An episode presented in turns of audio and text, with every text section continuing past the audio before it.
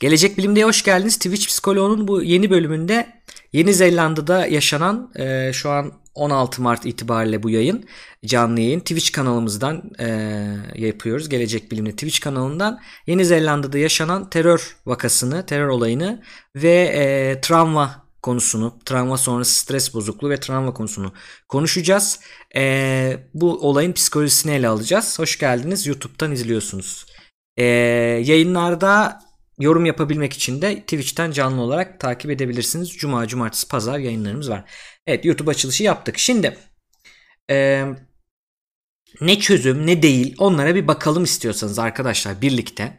Şimdi ee, ilk başta olay ne? Olayı bir özet olarak geçelim. Ben şurada e, Doşivele mi bunun nasıl söyleniyor bilmiyorum. Bu Türkçe kanalda buldum. Onun bir özetini birlikte geçelim arkadaşlar. Ee, özet olsun hepimize. Belki ilk defa izleyen vardır. Ondan sonra olay üzerine konuşalım.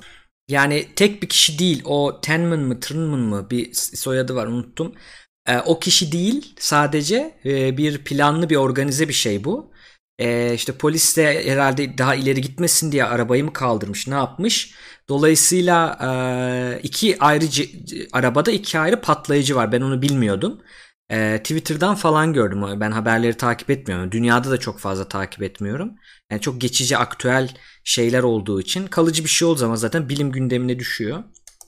Erdoğan da kınamış. Şimdi e, bu arada konuşurken e, arkadaşlar ya RMS Space, Tanil TV, Revenge of the Horse, Barış Demiran ve yine günü kurtardın. Hoş geldiniz. Dijo Desa. Kaçırdığım için kusura bakmayın. Şimdi görüyorum onları. E, chat'e de bir bakalım. Şimdi Çağrı önemli bir şey demiş. Demiş ki görüntüleri sansürsüz izledim. 16 dakikalık bir video ve insan bu kadar canileşebilir. Bu kadar e, kansız olabilir. Yıl 2019 hala din için insanlar ölüyor demiş. Ee, şimdi o önemli, o video önemli. Ben bugün onu aradım açıkçası, izlememiştim. Fakat bir travma açısına yani bir, bir e, pratik anlamda bir pratisyen olarak bakmak istedim. Bir psikolog olarak, klinik psikolog olarak bakmak istedim görüntülere. Ne gibi etkileri olabilir? Ben de bir izlemek istedim. Travmatik olacağını biliyorum ama yine de bakmak istedim ama bulamadım ne yazık ki. E, işte internetten e, silindiğini e, herhalde yani çok zor bulunuyordur herhalde. Deep Web'de falan bulunuyordur. E, onları göremedim ama izlemiş mesela Çağrı. E, ha şimdi e, Eidait da öyle bir şey demiş. Şimdi gelmek istediğim konuya doğru geliyoruz. Saldırının görüntülerinin internette dolaşması da özellikle kurbanların yakınları için travma oluşturmaz mı? Aynen öyle. Şimdi onu konuşacağım açıkça. Bununla alakalı ülkemizde çok sık gördüğümüz yayın yasağının sınırları ne olmalı? Çok güzel bir soru. Yayın yasağı tabii ki e, düşünce özgürlüğünü limitlemeyecek seviyede olmalı. Yani travmatik bir görüntü varsa bunun yasaklanması zaten orada bir görüş bildirilmesi yoktur. Bildiriliyorsa da travmatiktir. Dolayısıyla burada bir sıkıntı yok ama yayın yasağı adı altında her ülkede yapılabiliyor bu. Yayın yasağı altında işte ne bileyim önemli bir haberin insanların haber alma hakkını engellenmemesi lazım. Yani nedir? Limiti nedir? Evet Yeni Zelanda'da bir saldırı oldu. İşte camide şu kadar kişi öldürüldü dersin. Ama çocuklar falan izliyorsa ne bileyim kurşuna dizildi, kanlar içinde kaldı, katledildi falan demezsin. Anlatabiliyor muyum? Yine haberi vermiş olursun. Detaylarını merak edenler, yetişkinler kendi rızalarıyla izler. Anlatabiliyor muyum? Bu şekilde bir şey olabilir. Şu anda internette yapılan aslında bir videonun özellikle indirilmesi. Tabii çok zor bir şey. İnternet çok dağınık bir sistem olduğu için.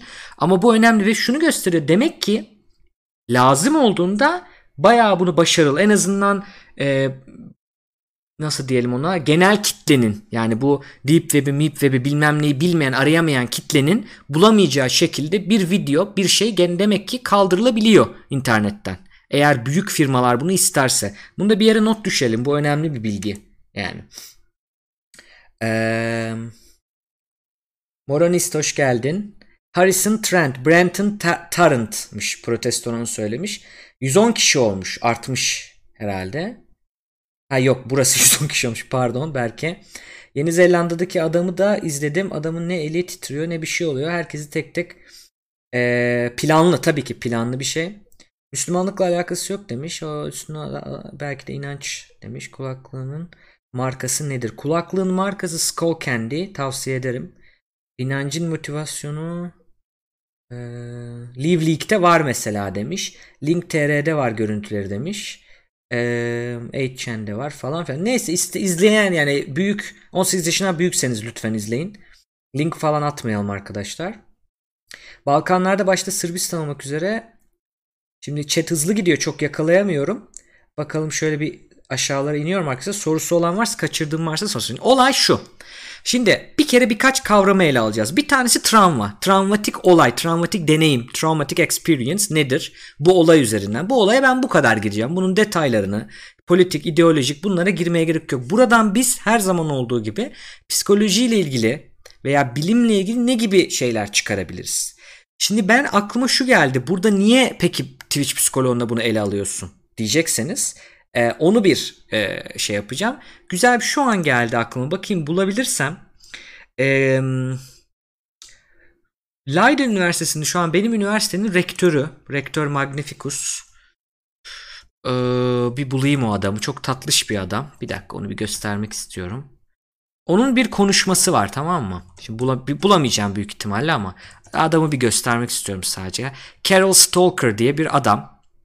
Ee, resmi varmış şurada. Heh, şu amcamız. Şimdi onun benim girdiğim sene 2017'de girdim. 2017'de açılış töreninde bir konuşması vardı ve şöyle bir şey söylüyordu. Ee, geleceğimizi, dünyayı politikacılar kurtarmayacak. İş adamları kurtarmayacak. Efendime söyleyeyim e, gazeteciler kurtarmayacak. E, politikacılar genel olarak politikacılar kurtarmayacak dünyayı bilim insanları kurtaracak. Siz kurtaracaksınız diye bir açılışı vardı ve çok önemli bir şey. Hakikaten onu fark ediyorsun yani. Evet ya yani ilerleme bilimde, teknolojide, bilimin ürettiği ve teknolojinin uygulanması burada.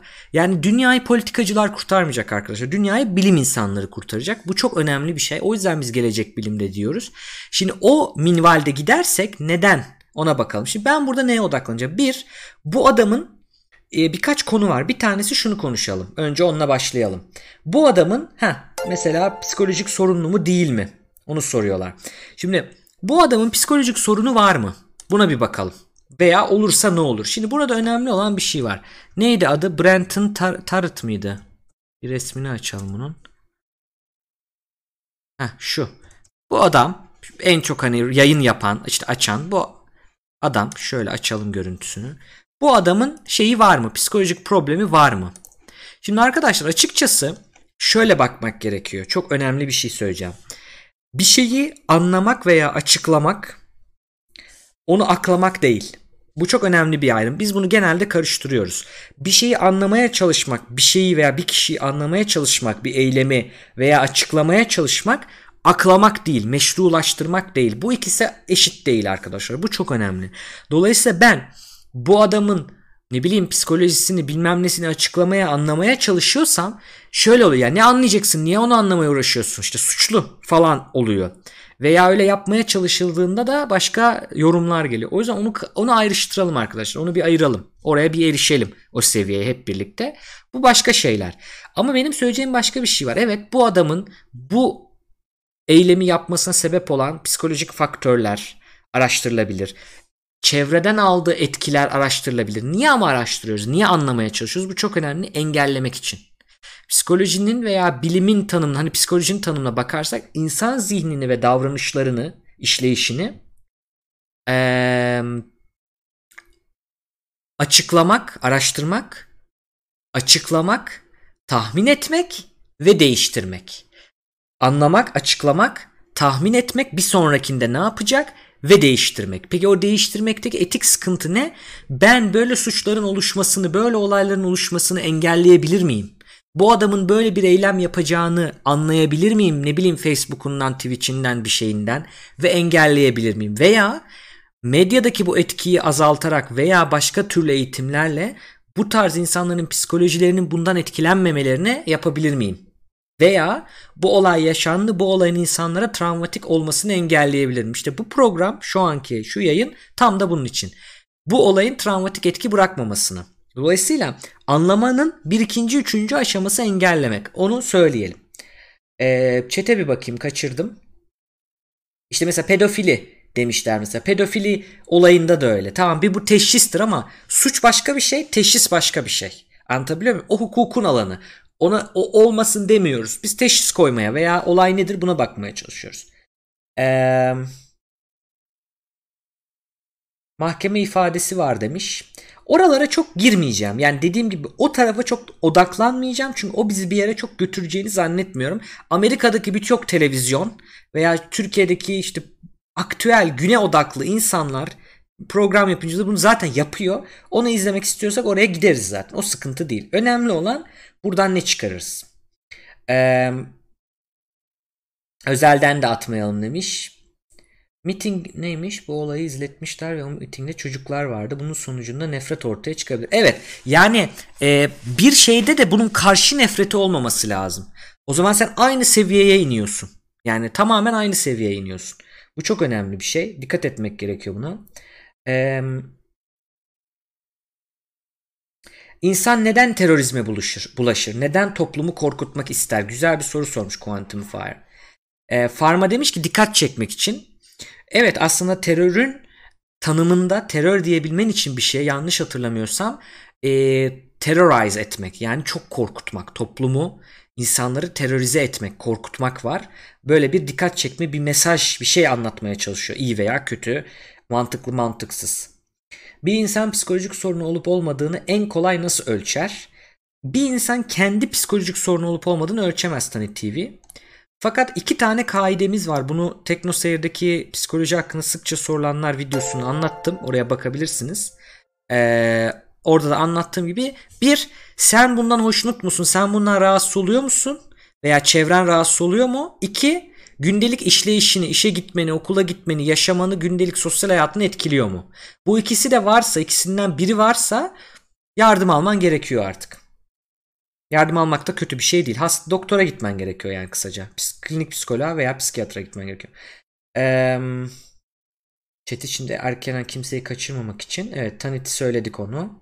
Adamın amacı zaten dikkat çekmekti demiş Çağrı. Muhtemelen Yeni Zelanda'yı da özenle seçti. Çünkü idam cezası yasal olan bir ülke değil. Orta Doğu'da aynı eylemi gerçekleştirirse evet tabi olabilir. Bir de öyle bir şey ki ülkece travmatize oldular. Yani ülkede şu an acil durum var. Tüm ülkede. Yeni Zelanda küçük bir ülke zaten ama acil durum falan var yani bir garip bir durum var ülkede. Hiç alışkın değiller. Christchurch caminin adı değil galiba semtin adı. Onun için de şuradan bir BBC Türkçeden bir şey bulmuştum onu görelim. Ee, evet anlamak aklamak değildir. Çok güzel özetlemiş Dodney. Onu unutmayalım arkadaşlar. Hocam çocukluğundan itibaren aile içerisinde hep Müslümanları küfür edilir onları kötü insanlar diye anlatılmış olabilir mi? Bilmiyorum olabilir. En basiti ama bu bunun etkisi başka bir şey. Bunun etkisi var veya yok diyemem şu anda. Ee, bireysel silahlanma yasaklanabilir. Olabilir. Kaçak da alır ama. Kafası orta çağdaki tarihi olaylarda kalmış. Aşırı sağ görüş. Heh, oraya bir gelelim şimdi. Cinayetler işledi. Evet. Ee, mahkeme ifadesini merak etmiş. Cezalandırma psikolojik sorunları olan insanları caydırmada etkili oluyor mu? Demiş Gulliver. Ee, ilginç bir soru, zor bir soru. Bu çok zaten hukuk ve psikolojinin, klinik psikolojinin ve hukukun arada kaldığı bir durum. Şimdi şöyle bir şey düşünelim. Ben öyle yaklaşıyorum buna, pratik yaklaşıyorum biraz. Şimdi tamam diyebilirsiniz ki işte deli raporu aldı ve kurtuldu. Suçu işledi, olan oldu ama deli raporu aldı, kurtu tırnak içinde. Ee, fakat şöyle bir şey var arkadaşlar. Genelde hukuk sistemlerinde siz bir suçtan muaf olacak bir suçu işlemeye ehliyeti olmayacak raporu alıyorsanız dünya dünyadaki psikiyatri ve e, hukuk sistemlerinde zaten e, kendi e, rızanız dışında e, hukuk sisteminin dikte ettiği şekilde bir e, enstitüde, bir e, hastanede, bir kurumda kalmak zorundasınız zaten. Şöyle düşünebilirsiniz. Birinde hapse girecekti. Ötekinde de yine hapissin. Zaten özgürlüğün yine elinden alınmış durumda. Fakat tedavi ve rehabilitasyon imkanın var. Anlatabiliyor muyum? Aradaki fark bu. O yüzden ben bunu işte çok ay kötü oldu, herkese deli raporu alıyorlar falan öyle bakmıyorum açıkçası. Ama psikolojik problemi olan, psikolojik bozukluğu olan bir insan özellikle psikotik bozukluklarda ee, ya zaten suç işledi hapishaneye gönderelim rehabilite olsun diye bir yaklaşımı da desteklemiyorum. Çünkü bu aynı ne bileyim işte kanserli olan bir insanı tedavi etmeden e, şeye koymaya yaklaşıyor açıkçası. Orada başka etik şeyler e, devreye giriyor. E, dolayısıyla caydırıcı olur mu? Evet caydırıcı olur. Çünkü her insanın da yapacak etki kadar yapar. E, hastalığına göre, bozukluğa göre. Ama onun yerine o ayrımı iyi yapılması lazım. Berke çok güzel bir şey söylemiş. Terörün amacı huzursuzluk ve korku yaratmaktır. Bu insanların propaganda araçlarını elinden alırsak, bunu bu kadar dillendirmezsek, bu kadar korku yaratmazsak zaten amaçlarına böyle ulaşamayacaklarını anlarlar. Evet Yüzüklerin Beyefendisi çok güzel bir nick ya. Polarizasyondan bahsetmiş. Oraya da girelim. Tekrar onu hatırlatırsan ileride lütfen. Herhangi bir devlet ansı herhangi bir psikoloğa hangi bir şeyi paylaşım tehlikeli olabilir mi ülkemiz şartlarında? Yok olmaz. Ama klinik psikolog bulursan tabi. E, master'ını yapmış bir klinik psikolog devlet hastanesi bulursan o zaman bana da haber verirsin iyi olur. E, ilkinin ilk toplu katliamı demiş Mustafa. E, Karaçor Berat, Eksen, Eren onlar gelmiş hoş gelmişsiniz. Caminin adı Nur Camii evet. Ha, onu gösterecektim şimdi. Olayı anlatalım. Olaylara girelim. Ee, tek amacı dikkat çekmek mi? Hayır tabii ki değil. Ee, Eidat demiş ki saldırganın temel motivasyonu İslam ya da Müslümanlık düşmanlığından ziyade kaba tabirle bu topraklar bizim düşüncesi. Evet. İç grup dış grup. Ben bununla ilgili bir yorum yazdım Twitter'a. Dedim ki yani bakıyorsun eski ilk insan topu hominitlere falan bakıyorsun. Onlarda bile bizler ve onlar var. İç grup, dış grup var. Yani herhangi bir şeyden ötürü ben biz demiş ve onlar demiş. iki gruba ayrılmış, takıma ayrılmış. Bu devam ediyor. Yani bu o zaman bile varmış. Bunun kanıtları var antropolojik. Ezgi e, Altınışık'a sorarız. Evrimsel antropoloji konusu tam benim konum değil ama zannediyorum ki var bunun kanıtları. Ee, o zamandan bunlar milyon yüz bin yıllar önce falan yani hiç gelişme yok. Yani bir arpa boyu yol gidememişiz arkadaşlar bu kadar. Hakikaten şu kadar bir yol gidememişiz. İnsanlık olarak. Beyin gelişimi olarak. Tabii ki gittiğimiz yerler var ama burada çok yerimizde sayıyoruz. Bu çok çok çok önemli bir şey. Burada evrimleşemedik. Burada hala o level'dayız. O seviyedeyiz. Bu çok kötü bir şey bunu gösteriyor. Yani ben Yeni Zelandalıyım sen değilsin. Ben bu dindenim sen o dindensin. Ben beyazım sen. Ben uzunum ben bunun bunun sonu yok. Bu ayrımın sonu yok arkadaşlar. Evet. Chat'te güncele varamıyorum ama hepinizinkini okuyacağım. Sırayla okuyacağım. Zamanımız var. Bu tarz münferit olayların devletlerin istihbarat bilimleri tarafından tespit edilmesi inanılmaz zor oluyor. Çünkü münferit diyor. Yani münferit demek yani tek bir case, tek bir vaka. Ee, yayılmış vaka değil. Güzel bir kelime münferit kelimesi. Bu tarz e, inanılmaz daha genel, e, daha bilimsel bir mücadele yöntemi. Evet ben de sana katılıyorum Eydat bu konuda. Dünya siyasetindeki sağ görüşün kuvvetlenmesi. Sağ görüş daha doğrusu konservatif görüş diyelim. Sağdan onu kastediyoruz. Yani korumacı, muhafazakar görüş. Her yerin muhafazakarı var. Bu arada muhafazakarlık sadece dinle ilgili bir konu değil. Olanın aynen kalmasını istiyor. Koruma, muhafaza etmek, korumak demek. Konservasyon, konservatif. Konserveden aklınıza gelsin. Konserve ne demek? Korumak bir şeyin içindekini aynen konserveye koyduğun gibi korumak. Tamam mı? Konservatif partiler ya da muhafazakar partiler tam güzel bir çeviri.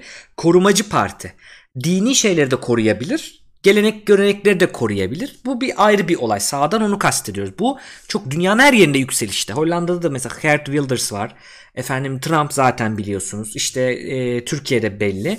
Dolayısıyla buna dikkat etmemiz gerekiyor. Bir de popülizm yükselişi var. Onu Tancan'la yakında konuşacağız zaten. E, ona çok girmiyorum o yüzden. E, o adamın manifestosunu okudum. Beyaz ırkın azalmasından bahsediyor. Sürekli ve doğum oranlarına bastım. Hep garip demiş. Eee... Holmes hoş geldin. Psikolojik bozukluklarda başarılı olan bir ceza var mı diye tarihi bir soru sordun Dodni. Seni tebrik ediyoruz. Vallahi müthiş, müthiş bir soru. Ee, psikolojik bozukluklarda başarılı olan bir ceza yok.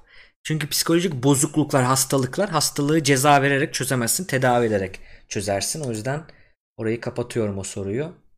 Terör kelimesi zaten anlamı itibariyle korkutmak demek. Aynen terrorize. Ee, abi bu konuyu ele aldığın için çok teşekkürler. Herkes sessiz demiş Çağrı. Rica ederim.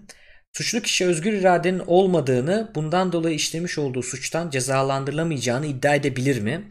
O çok zor bir konu. Benim benim şu anda onu konuşmaya kalkarsam olmaz. Hani bilim insanı bilmediğini de bilmiyorum demeli. Ben bunu bilmiyorum arkadaşlar. Bu konuda bir yorum yapmak e, şu an benim bilgi seviyesi olarak bu konuda araştırma yapmadığım için haddime değil. O adli psikolojinin konusu. Adli psikolojiyle uğraşan bir arkadaşım var. E, bir gün onu yayına alırım. Tuğçe buradan selam olsun ona. E, peki suç ehliyetinin tespiti ne kadar? İşte aynı konu. Eee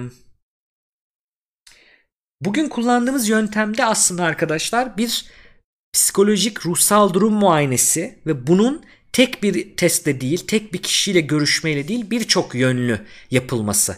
Yani işte madde kullanımı varsa bunun biyolojik testinin yapılması.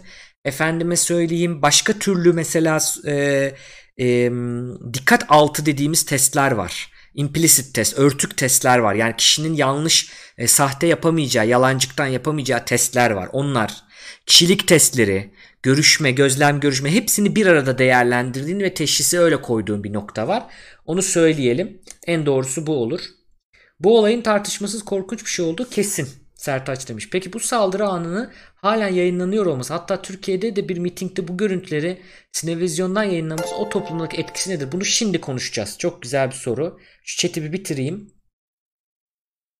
Ee, ben bunu klipler Herkese atarım demiş. Evet. Aynen uzaya çıkabiliyorsun ama hala o hala oradasın. Yani o, o değişme yok.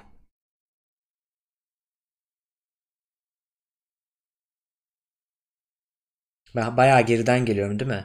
Arkadaşlar biraz hızlı gitsem de küser misiniz bana alınır mısınız? Birazcık hızlı gideyim de şu güncele bir geleyim. Sorularınız varsa lütfen bir daha sorun. Bakmayın.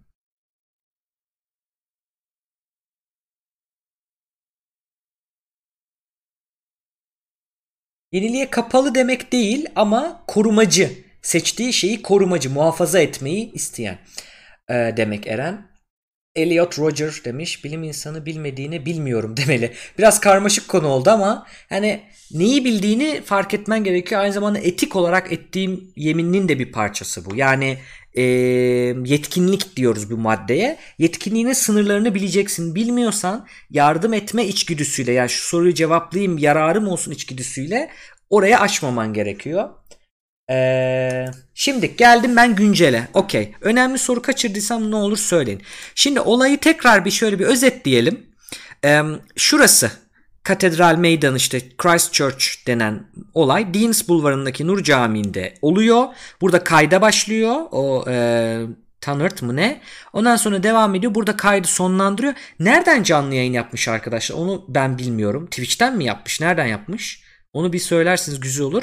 Daha sonra da Linwood'da yapılıyor. İki ayrı saldırı var. Onu söyleyelim. Ee, saldırgan tekrardan mahkemeye çıkacak 5 Nisan'a kadar gözaltında. Onu söyleyelim. Facebook'tan yapmış. Facebook bunu durduramamış mı? O da var tabii ki. Aynen aynı haberler. Fakat dünyada tabii böyle olaylardan sonra hangi dinden hangi milletten insanı yapılıyorsa yapılsın o etkiyi yaratıyor. Birleşme etkisini yaratıyor. Şimdi e, bir iki ayrı konulara girmek istiyorum. Birincisi dediniz ki topluma etkisi nedir? Canlı yayında bunun işte mitingde gösterilmesi, internette dolaşması. E, tabii ki çok büyük bir etkisi var. Şimdi oraya gelelim. Travma sonrası stres bozukluğu dediğimiz bir bozukluk var arkadaşlar. Bakayım ben. Şunları bir kapatayım. Travma sonrası stres bozukluğunu bir ele alalım sizle birlikte. Nereden ee, şey yapacağım? Psikiyatri.org.tr Türk Psikiyatri Derneği'nin web sitesinde yazıyor. E, güzel bir Türkçe özet. Bu arada kaynakları ünlem drive yazarak bu şu an okuduğum kaynağı ve birazdan şurada göstereceğim psikolojik ilk yardım rehberini Dünya Sağlık Örgütü'nün ilk yardım rehberinin ikisinin de pdf'ini ünlem drive yazarak bulabiliyorsunuz. Şu konuyu bir birlikte okuyalım yavaş yavaş tamam mı arkadaşlar? Ee, ben bir çay alıp gelsem çok güzel olacak. Ee, çay alayım geleyim. Sizde şöyle bir intermission şeyi yaptım. Chat devam etsin. Hemen geliyorum. Bir dakikadan kısa bir sürede çay alıyorum. Bu benim benzinim, yakıtım. Çayımı alayım geliyorum. Evet geri geldim. Tamam. Çaylar alınmış görüyorum ki bu arada e, mor biber, serkeftin ve Ümit Koyuncuoğlu gelmiş. Hoş gelmiş. Çaylar alınmış. Yakıtları doldurun demiş şey. Kim demiş bakayım bakayım. Dur kaçırdım. Gülşah demiş. Evet şöyle bir ara vermiş olduk. Bitki çayları süper demiş. Ee, Quantum Fire çok içmişsin. Dikkat et kafein etkilerine. Bir günde kafein yayını yapacağım. Ee, bugün bayağı izleyen var. Sevindim demiş Protestorun. Evet. Ben de sevindim. Ünlem ne çayı? Bunu yapsam mı acaba? Hep siyah çay içiyorum. Earl Grey içiyorum ben. Böyle bir komut var mıdır? Vardır herhalde ya. Şey çok çayı seviyordu. Kimdi o? Easter Games. Çok seviyorum onu. Çok naif bir insan. Onun e, çayı çok sevdiğini biliyorum. O yazmıştır oraya. Şimdi gelelim tekrardan. E, mor biber teşekkür ederiz. Ha panda da tabi tabi. Neydi panda? Pinti panda da seviyor. Evet onda vardır kesin onu. Ünlem ne çayı diye vardır. Kafein yayını gelecek aynen. Bakınıyorum ona. Bekliyorum. Şimdi e, travma sonra stres bozukluğuyla başlayalım. Biraz e, olayı dağıttık. Çaylarımızı aldık. Hazırsanız e, şey yapıyorum. Çete biraz bakamayacağım. Şimdi olaya inceleyelim. Şimdi TSSB diye kısaltıyoruz ya da Post Traumatic Stress Disorder diye PTSD diye görebilirsiniz. Şimdi travma sonrası stres, stres sorunları korkutucu olaylardan sonra görülür ve yıllarca sürebilir. Travma sonrası stres hastalığı H diye çevirmiş herhalde. H, B de diyebilirsin. E, kişiyi ve ailesini, kişinin iş gücünü olumsuz etkiler. Peki ne gibi olaylar? İlla bunlar olmak zorunda değil ama buna benzer olay. Mesela savaşlar, patlamalar, afetler özellikle depremsel yangın gibi saldırı, tecavüz, işkence, kazalar, aile içi şiddet ya da çocuklukta yaşanan travmatik olaylar. E, travmanın etkilerini tanıyacağız. Bu çok önemli. Ruhsal travmalardan sonra görülen sorunlar. Şimdi travma nedir? Önce ona bir bakalım. Kişiyi aşırı korkutan, yani şöyle söyleyeyim, öncelikle onu söyleyeyim. Travma olması için e, bir objektif kriter yok. Senin için travmatikse sana travmatiktir o. Bu çok önemli. Yani burada kişiye özel bir özel olma ilkesi var. Bu çok önemli. Yani ne bileyim e, hep o örneği veririm. Bir öğretmenimiz vermişti e, üniversitedeyken. Mesela e, depresyonla geliyor. iki tane hasta geliyor sana. Sen te- terapistsin, psikoterapistsin. Birisi diyor ki niye üzüldünüz bu kadar diyorsun. Yani üzgünlüğünüzün sebebi nedir? Niye getirdi sizi buraya diyorsun. İşte diyor ki buzdolabımdaki şey buzdolabı diyor. İşte gardırobumdaki kıyafetler bitti. Hepsini giymişim daha önce diyen zengin bir kadın. Öteki de diyor ki işte ne bileyim ailemi kaybettim kazada. Şimdi bizim için bizim tarafımıza ikisi de travmadır, ikisi de depresyondur. Okey. Bunları ayıramayız. Biz bunları değerlendiremeyiz. Duygunun bu lafı da yazın. Güzel bir laf bence. Duygunun doğrusu yanlışı olmaz. Duyguların doğrusu yanlışı haksızı haklısı olmaz. Duygu duygudur. Düşüncenin doğrusu yanlışı olur. Düşüncenin mantıklısı mantıksızı olur. Duygu ile düşünceyi birbirinden ayırmamız gerekiyor. Diffuse, diffusion diyoruz buna. Diffuse etmek gerekiyor. Ee, Seyi 74 gelmiş. Hoş geldin 74. Ee, dolayısıyla buradaki kastettiğimiz kişiyi korkutan bak çok önemli. Olayın kendisi değil. Kişiyi aşırı korkutan, dehşet içinde bırakan, çaresizlik yaratan, çoğu kez olağan dışı, olabilir olmayabilir. Beklenmedik olayların yol, yol açtığı etkileri ruhsal travma diyoruz. Travma, travmatik olay ya da ruhsal travma. İnsan hayatının sıkıntı ve üzüntü yaratan pek çok olay olur ancak bunların tümü ruhsal travma yaratmaz. Bu çok önemli. Bilimle ilgili bir kanal açtığınız için sizi destekliyorum. İyi yayınlar demiş. Ee, SI74. Çok teşekkür ederiz desteğin için. Sağ ol, var ol. Duygunun zengini fakiri olmaz demiş. Okay. Ha yarın akşam uyumayacakmış. Okey o zaman olur. Sağ ol ama işi canlıda söylenmez böyle söz. Anlamadım onu Quantum Fire.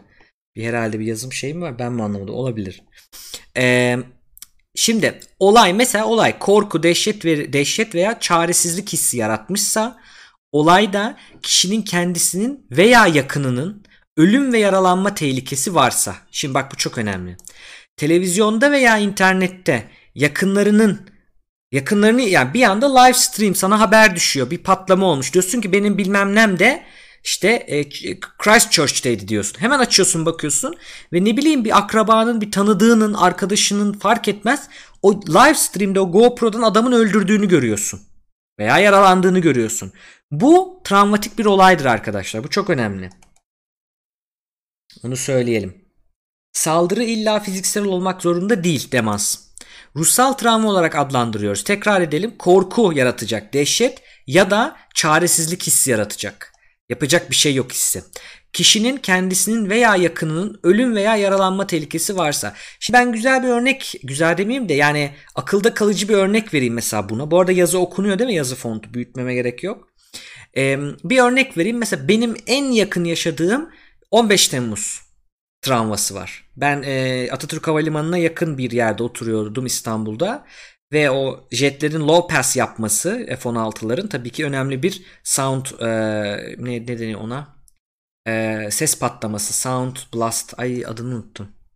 Bak araştırdığım şeyi unutuyorum. Sonic Boom. Ha, Sonic Boom yapması tabii ki bu tehlikeli bir şey ve kendini çok çaresiz hissediyorsun. Yani tependen bir bomba düşse senin yapabileceğin hiçbir şey yok. Mesela buna benzer bir olay yaşadıysanız en yakın akılda kalıcı ya da bir ara çok fazla terör saldırısı oluyordu. Ne yazık ki patlamalar oluyordu. Onlardan birine şahit olduysanız ne bileyim bunları aklınıza getirebilirsiniz nasıl olaylar olduğunu. Ee, onu söyleyelim. Ee, mesela can, Facebook'ta canlı intihar bile bunlar hep travmatik olaylar arkadaşlar onu söyleyelim. Ee, ve o olayda kişi kendisinin veya yakınının ölümünü görüyor, öl- görüyor, tehlikeyi veya yaralanmasını görüyor veya tehlikesi varsa. Buna ruhsal travma diyoruz. Bu tanımlamaya göre ileri yaşta bir yakınımız mesela yıllarca süren bir hastalık sonrasında ölümünün ruhsal travmaya yol açma ihtimali düşük iken çünkü beklenen bir olay değil mi? Beklenen bir olay, farkında olduğun bir olay, ani değil. Tabii ki çaresizsin ama ani değil. Ee, onu söyleyelim. Daha düşük bir ihtimal varken insanın bir yakını beklenmedik biçimde kaybetmesi hani vardır ya bekliyorduk falan denir. Biçimde beklenmedik şekilde kaybetmesi örneğin trafik kazasında kaybetmesi biraz daha daha travmatik etki yapar. Örnek bu. Kaide değil. Onu söyleyelim. Peki hangi olaylarda tekrar edersek örnek verelim işte doğal afet, insan eliyle yapılan travma, savaş, işkence, tecavüz gibi iş veya trafik kazaları, beklenmedik ölümler veya ciddi ölümcül hastalıklara yakalanma da bak bu çok aklımıza gelmiyor ama ne bileyim kanser atlatma. Bir ölümcül hastalık veya komaya girip çıkma falan gibi. Toplum içinde ruhsal travmaya yol açan olaylar da çok yaygın. Araştırmalar her iki kişiden birinin bu tür olaylarla hayatında en az bir kere karşılaştığını bu hangi araştırma bunun kaynağını vermiş mi? Bir dakika orijinal linke bakalım. Kaynak var mı? Bilgilendirme zannetmiyorum ki kaynak olsun. Yok. O yüzden onu o, o kısmı biraz es geçiyoruz. Çok önemli değil bizim için oradaki bilgi. Ama yani çok sık yani onu söyleyelim. Ruhsal travmayla karşılaşma şansı herkes için eşit değil. Suç olanının yüksek olduğu bir yerde yaşıyorsan, başka ruhsal hastalığı veya alkol madde bağımlılığı olanlar, askerler, polisler, itfaiye personelleri özellikle bu işi bu olanlar daha korkutucu hastane çalışanları daha korkutucu olayla daha sık karşılaşıyorlar. Bu önemli bir şey. Uzun vadede etkileri var bunun. Ruhsal travmalardan sonra en sık görülen iki hastalık depresyon olabiliyor veya travma sonrası stres hastalığı ya da stres bozukluğu. Ceyda geçmiş olsun. Kızılay'daydım silah sesleri evet yani insanların kanlar içinde koşuşu demiş. Ee, bu saldırının 2016 Türkiye'ye girmiş ve 3 gün bulunmuş. Çıkış yaptıktan sonraki günde İstanbul'da patlama yaşandı demiş. Sidewinder TR hoş geldin. Şimdi e, en sık görülen depresyon ve TSSB ya da PTSD travma sonrası stres bozukluğu. Şimdi kişiyi çok korkutan, dehşet içinde bırakan dediğimiz gibi olaylar uzun süren şeylere yol açtığını biliyoruz.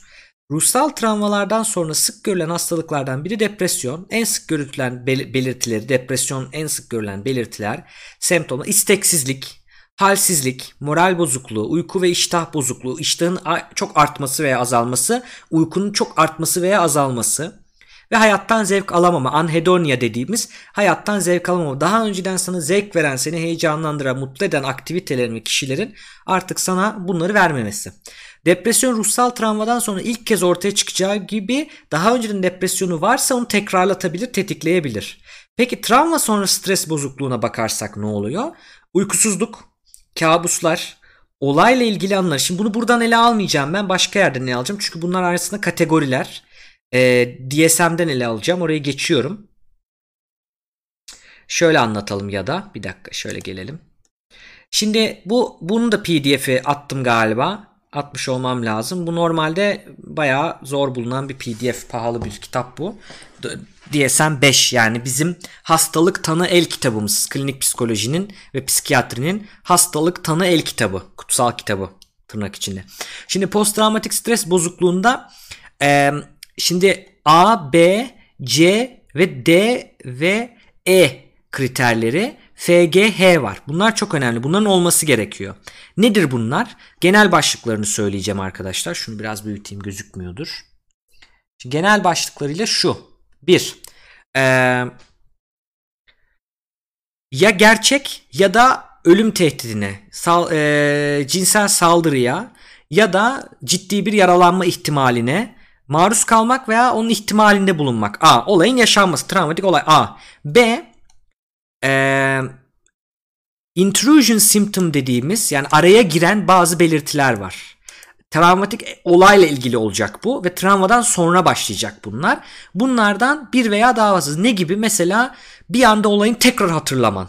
Gözünü kapattığında tekrar o anı yaşaman. Rüyanda görmen, kabuslar görmen. Flashbackler yaşaman. Bir olayın sana orayı hatırlatması gibi veya psikolojik strese bağlı mesela bazı olaylarla bazı sembolleri bağlantılama gibi. C olaydan veya olayı çağrıştıracak olaylardan kaçınma. Sürekli olarak kaçınma. Buradan o mesela ne bileyim işte araba kazası geçirdin. Travmatik etki bıraktı. Ve arabalara binmek istemiyorsun. Arabaların yakından geçmek istemiyorsun. Araba sesi seni tekrar o ana götürüyor ve buradan kaçınıyorsun. Bu. D. Negative alteration in cognition and mood dediğimiz bilişsel düşüncede ve e, duygularda, duygulanımda, moodda, e, duygu, duygu durumda diyelim. Olayla alakalı şeyler. Ne bileyim mesela olayın önemli anlarını hatırlayamamak. Ya da e, kendinle ilgili kötü şeyler. Her kimseye güvenemem, hiçbir şey yapamam, dünya bitmiş, insanlık bitmiş e, falan filan gibi düşünceler. Bunlar var bu D'ydi. E kategorisi senin e, vücut fizyolojik olarak uyarımla alakalı şeyler. Ne bileyim mesela saldırganlığın, fazlaca o olaya bağlı kalman. E, en önemlisi mesela exaggerated startle response. Çok bu, bu çok akla gelen bir şeydir. Nedir? İrkilme, abartılmış bir ilkilme tepkisi veriyorsun. Mesela ben şöyle bir hikaye hatırlıyorum. E, askerliğinden yeni dönmüş bir kişi düğünde işte atıyorum havaya silah sıkılmış başka uzak bir tarafta. Masayı, düğün masasını çevirip masanın arkasına siper almış bir anda mesela. Bu travmatik stres bozukluğunu çağrıştıran etkiler. Ve önemli olan B, C, D ve E kriterlerinin bir aydan daha fazla sürmesi çok önemli. Neden? Bu olay bir dakika bir şey mi dönüyor? Ee, bu olay yani bir ay meselesi çok önemli. Çünkü Böyle bir olay yaşadıktan sonra, travmatik bir olay yaşadıktan sonra önemli bilgi geliyor dikkat edin. İlk bir ay içerisinde bu saydıklarımın yaşanması çok normal. Çünkü bu vücudun, bizim beynimizin, psikolojimizin bu olayla savaşma yöntemi aslında. Bu olayı atlatma yöntemi. Hepsi olacak diye bir şey yok. Ama önemli olan olursa bende kötü bir şey var diye düşünmenize gerek yok. Önemli olan bu olay travma oluştu travmadan sonraki bir ay içerisinde azalıyor mu? Artarak devam mı ediyor? Değişmiyor mu? Yoksa azalıyor mu? Beklentimiz normal durumda azalması. Eğer azalmıyorsa ve devam ediyorsa ve bir aydan aşıyorsa o zaman artık travma sonrası stres bozukluğu şüphesiyle artık bir profesyonele başvurmanız gerekiyor. Bu çok önemli bir bilgi. Hayat kurtarıcı bir bilgi. Onu söyleyelim. Yani tekrar ediyorum. Tekrar edelim yine. B e, intrusion ne, ne nasıl çevirmiştim onu? Araya giren belirtiler. Ne bileyim rüyasını görmen, olayı hatırlaman, flashbackler yaşaman, ne bileyim bu tarz olaylar. Ee, bir B kategorisi. C kategorisi e, travmadan sonra o olaydan kaçınman, o olayı hatırlatacak şeyler kaçınman. D olayı hatırlayamaman, kendinle ilgili negatif düşüncelerin, efendim hiçbir şey yapmak istememen, e, insanlardan e, kopmuş hissiyat, hissiyatı. E e, fizyolojik anlamda ve e, uyarılma anlamında, arousal anlamında farklılıklar. Ne bileyim işte fazla dikkat etmen, abartılmış bir e, irkilme e, tepkisi. Bunların hepsi ilk bir ay içerisinde normal arkadaşlar. Daha sonra bunun bir ay içinde azalmasını bekliyoruz. Azalmıyor devam ediyorsa o önemli. Klip almanız için tekrar burayı söyledim. G'ye bakalım. Ee, yani bir aydan daha fazla sürecekmiş. G, G kriteri e, clinically significant distress. Bu çok önemli. Ne demek yani bu? Ee, bizim sosyal hayatımızı, iş hayatımızı veya hayatımızın diğer alanlarını, işlevselliğini bozması. Demin anlattığım iki kategoriden bir tanesi. iki e, kriterden bir tanesi. Yani ne zaman psikolojik bozukluğum var, ne zaman yardım almalıyım? Bir, senin işleyişini, sosyal, iş veya hayatın diğer alanlarındaki normal işleyişini bozuyorsa bir, iki de sen bundan rahatsızsan demiştik ya. Bunların bir tanesi fonksiyonelite, dysfunctioning diyoruz buna. H de bu çok önemli. Zaten hep bu kategori kriterler var. Nedir? Ayrıcı tanı kriteri bu. Nedir? Bu olay, bu yaşanan olay herhangi bir madde kullanımının, bir, bir ilaç olabilir, bir uyuşturucu madde olabilir veya alkolün veya herhangi bir başka medikal hastalığın, tıbbi hastalığın yan etkilerine atfedilmemesi gerekiyor. Bunları elemen gerekiyor ki PTSD demen lazım. Olay bu. Peki PTSD'nin yani travma sonrası stres bozukluğunun alt e, türleri ne, tür demeyelim de ona ne diyelim belli özel türleri var. Hı, belli özel türleri var. Specify demiş. Ne olabilir? Bir, disosiyatif belirtilerle ilgili olabilir. Yani disosiyatif belirtiler ne demek? Kendinden, bulunduğun ortamdan kendini dışarıda hissetmen. Tamam mı? Disosiyasyon diyoruz. Ee, sanki başka uzaktan izliyormuş gibi. Mesela benim çok net hatırladığım bir şey var. Onu söyleyelim. Çok net hatırladığım bir şey. Meclisin bombalanması vardı 15 Temmuz'da. Ben bunu televizyonda canlı yayın izlediğimi hatırlıyorum. Ve canlı yayında o bomba düştü. Çok büyük bir patlaması vardı. Onu izlerken ben o anda bak bütün bu dersleri almışım mezun olmuşum. Yani afet psikolojisi dersinde görmüştük. Bunları bilmeme rağmen o anda anlık olarak o, o sahneyi böyle sanki bir film sahnesi gibi izledim. O çünkü beynin Aa öyle bir şey olmuyor ki. Öyle bir şey yok ki. Yok o yaşanmıyor şu anda. Bu gerçek değil. Reddedişi. Anlatabiliyor muyum? O anlık bir anda böyle izledim onu. Aa bomba düştü patladı. Sanki hiç gerçekte olmuyor film gibi. Sonra fark ettim ki gerçekten patladı ya. Gerçekten oldu ve ben canlı yayında izledim. Bu işte disosiyasyon olayı birazcık. Şimdi e, travmatik stres bozukluğunun kriterlerini tutuyorsun, karşılıyorsun. Artı bir de bu stresle karşılaştığında tekrar aynı olayla karşılaştığında ya depersonalizasyon de, de, ya da derealizasyon hissediyorsun. D eki negatifleştiriyor. Personalizasyon kendim, kişiliğim. Kişilikten çıkma. Depersonalizasyon bozukluğu videom var Psikoseyir kanalında bakabilirsiniz ona. Nedir bu? Ne yapıyormuşsun? Kendini ee, sanki dışarıdan izliyormuş gibi kendi işleyişinden, beynin işleyişinden, vücudun işleyişinden sanki sen dışarıdaymışsın bir rüyaymış da dışarıdaymışsın gibi izliyormuşsun ve zaman ağır ağır akıyormuş gibi hissetmen. Bu de- depersonalizasyon. Ve derealizasyon var. O da etrafının aslında gerçek olmadığını, sanki bu gerçek değil, aslında bu bir hayal, bir rüyadır gibi hissetmen. Bu çok önemli. Yine tabii ki bunları diyebilmen için herhangi bir madde kullanımına bağlı olmaması lazım. Bu birincil specify yani özelleştirilmiş hali. Evet travma sonrası stres bozukluğu var özelleştirilmiş hali. Ee, bir başka türü de e, delayed expression demiş. Yani olay oluyor sen bunları yaşıyorsun fakat olay 6 aydan sonra çıkıyor. Sonra çıkar kokusu dediğimiz tip bu. Yani Travma yaşadıktan sonra dikkat edin. İlk bir ay bunlar olmayabilir. Hiç olmayabilir. Aa dedim ki atlattım. Ama bastırıyor olabilirsin. 6 ay sonra bunlar pat diye çıkabilir. Yine de dikkat etmeniz gerekiyor. En az 6 ay sonra çıkarsa o zaman bunu PTSD with delayed expression gecikmiş ifadeli travma sonrası stres bozukluğu diyoruz. Bu çok önemli. Tamam. Çocuklarla ilgili olanı var onları geçiyorum. Şimdi kriterler bunlar. Devam edelim şimdi arkadaşlar. Çete bir bakayım. Twitch psikoloğu klasöründe evet. Ee,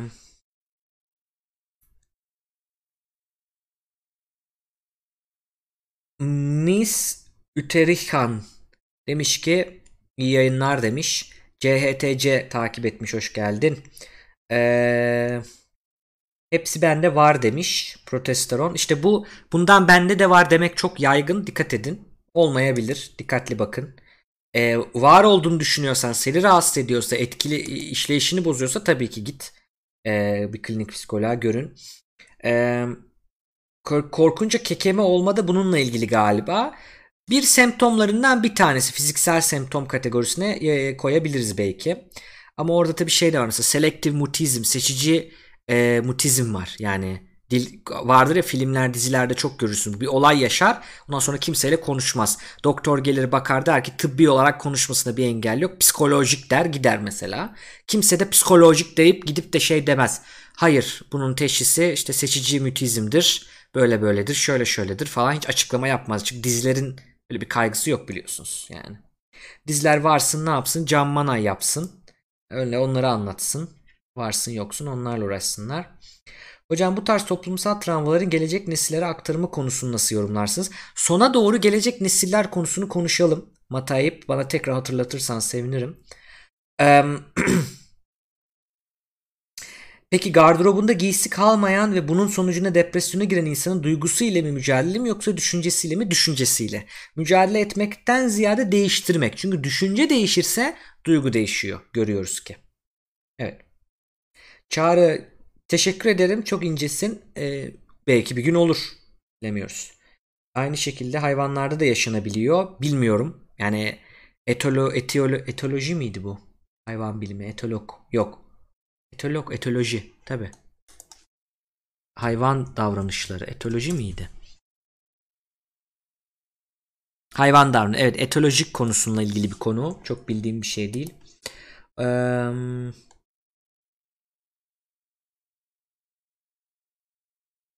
Bu e, PTSD PDF'i olmayabilir. Bir dakika arkadaşlar atayım onu.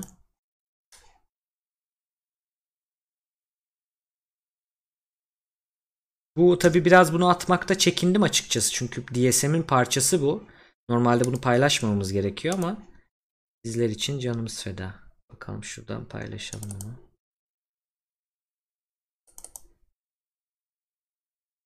Eski şeyler de var bakın orada. Factitious Disorder falan var. Evet. Bunu ko- koymayacağım arkadaşlar DSM kısmını. Gerek yok. Şey Türkçesi güzel anlatıyor. Şimdi geri dönelim buraya. Ee, tekrar bakalım işte uykusuzluk, kabuslar o kategori. Olaylarla ilgili anıların rahatsız edici biçimde sık sık hatırlanması. Intrusive symptom. E, araya giren semptomlar. Sürekli olarak olayın tekrarlanacağı korkusu ve bu nedenle diken üstünde hissetme çok önemli. Çok önemli. Kolay irkilme, işte exaggerated startle response dediği bu. Çabuk sinirlenme, irrita irritable mood dediğimiz dengesiz olma, kolay sinirlenme. Gelecekle ilgili plan yapamama, gelecek yok ki falan diyorsun. Yabancılaşma, depersonalizasyon, başkaları beni veya yaşadıklarımı anlamıyor hisse. Detachment, depersonalizasyon ne? Detachment. Olayı hatırlatılan durumlarda huzursuz olma ve bu durumlardan kaçınma, avoidance demiştik ya. B kategorisi o. Şimdi bu belirtiler çoğu kişide travmayı izleyen günlerde görülür ve genellikle birkaç hafta içinde kendiliğinden düzelir. Aynı şey söylüyor. Ancak bazı kişilerde aylarca hatta yıllarca sürebiliyor. Şu anda 80 yaşın üstünde olan 2. Dünya Savaşı gazilerinde hala bu hastalığın izlerini taşıyanlar var. Belirtiler bazen travmatik olay olup bittikten aylarca sonra latent expression demiştik ya olabilir demiş. Aynı kaynaktan aldığı için bu yazıda tabii ki Türkçe yazıda ama Türkçe olduğu için ele alıyoruz. Ee, biraz geçelim bakalım.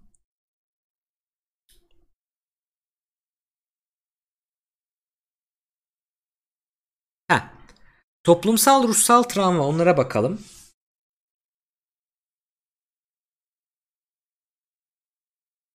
Evet insanlar herhalde kaçıyor evet zamanla azalıyoruz. Yüzden 60'a düştük. Bilmiyorum neden. Evet. Bu arada arkadaşlar ha onu unuttum. Ee, Discord'dan sesli olarak yayınlara katılabilirsiniz. Eğer ben de söyleyecek bir şeylerim var sesli konuşmak istiyorum diyorsanız Discord'dan gelebilirsiniz. Onu da söyleyeyim. İsteyen varsa yazsın chat'e açarız onu. 5 kişi falan çok fazla kişi yapmayalım ses üst üste binmesin.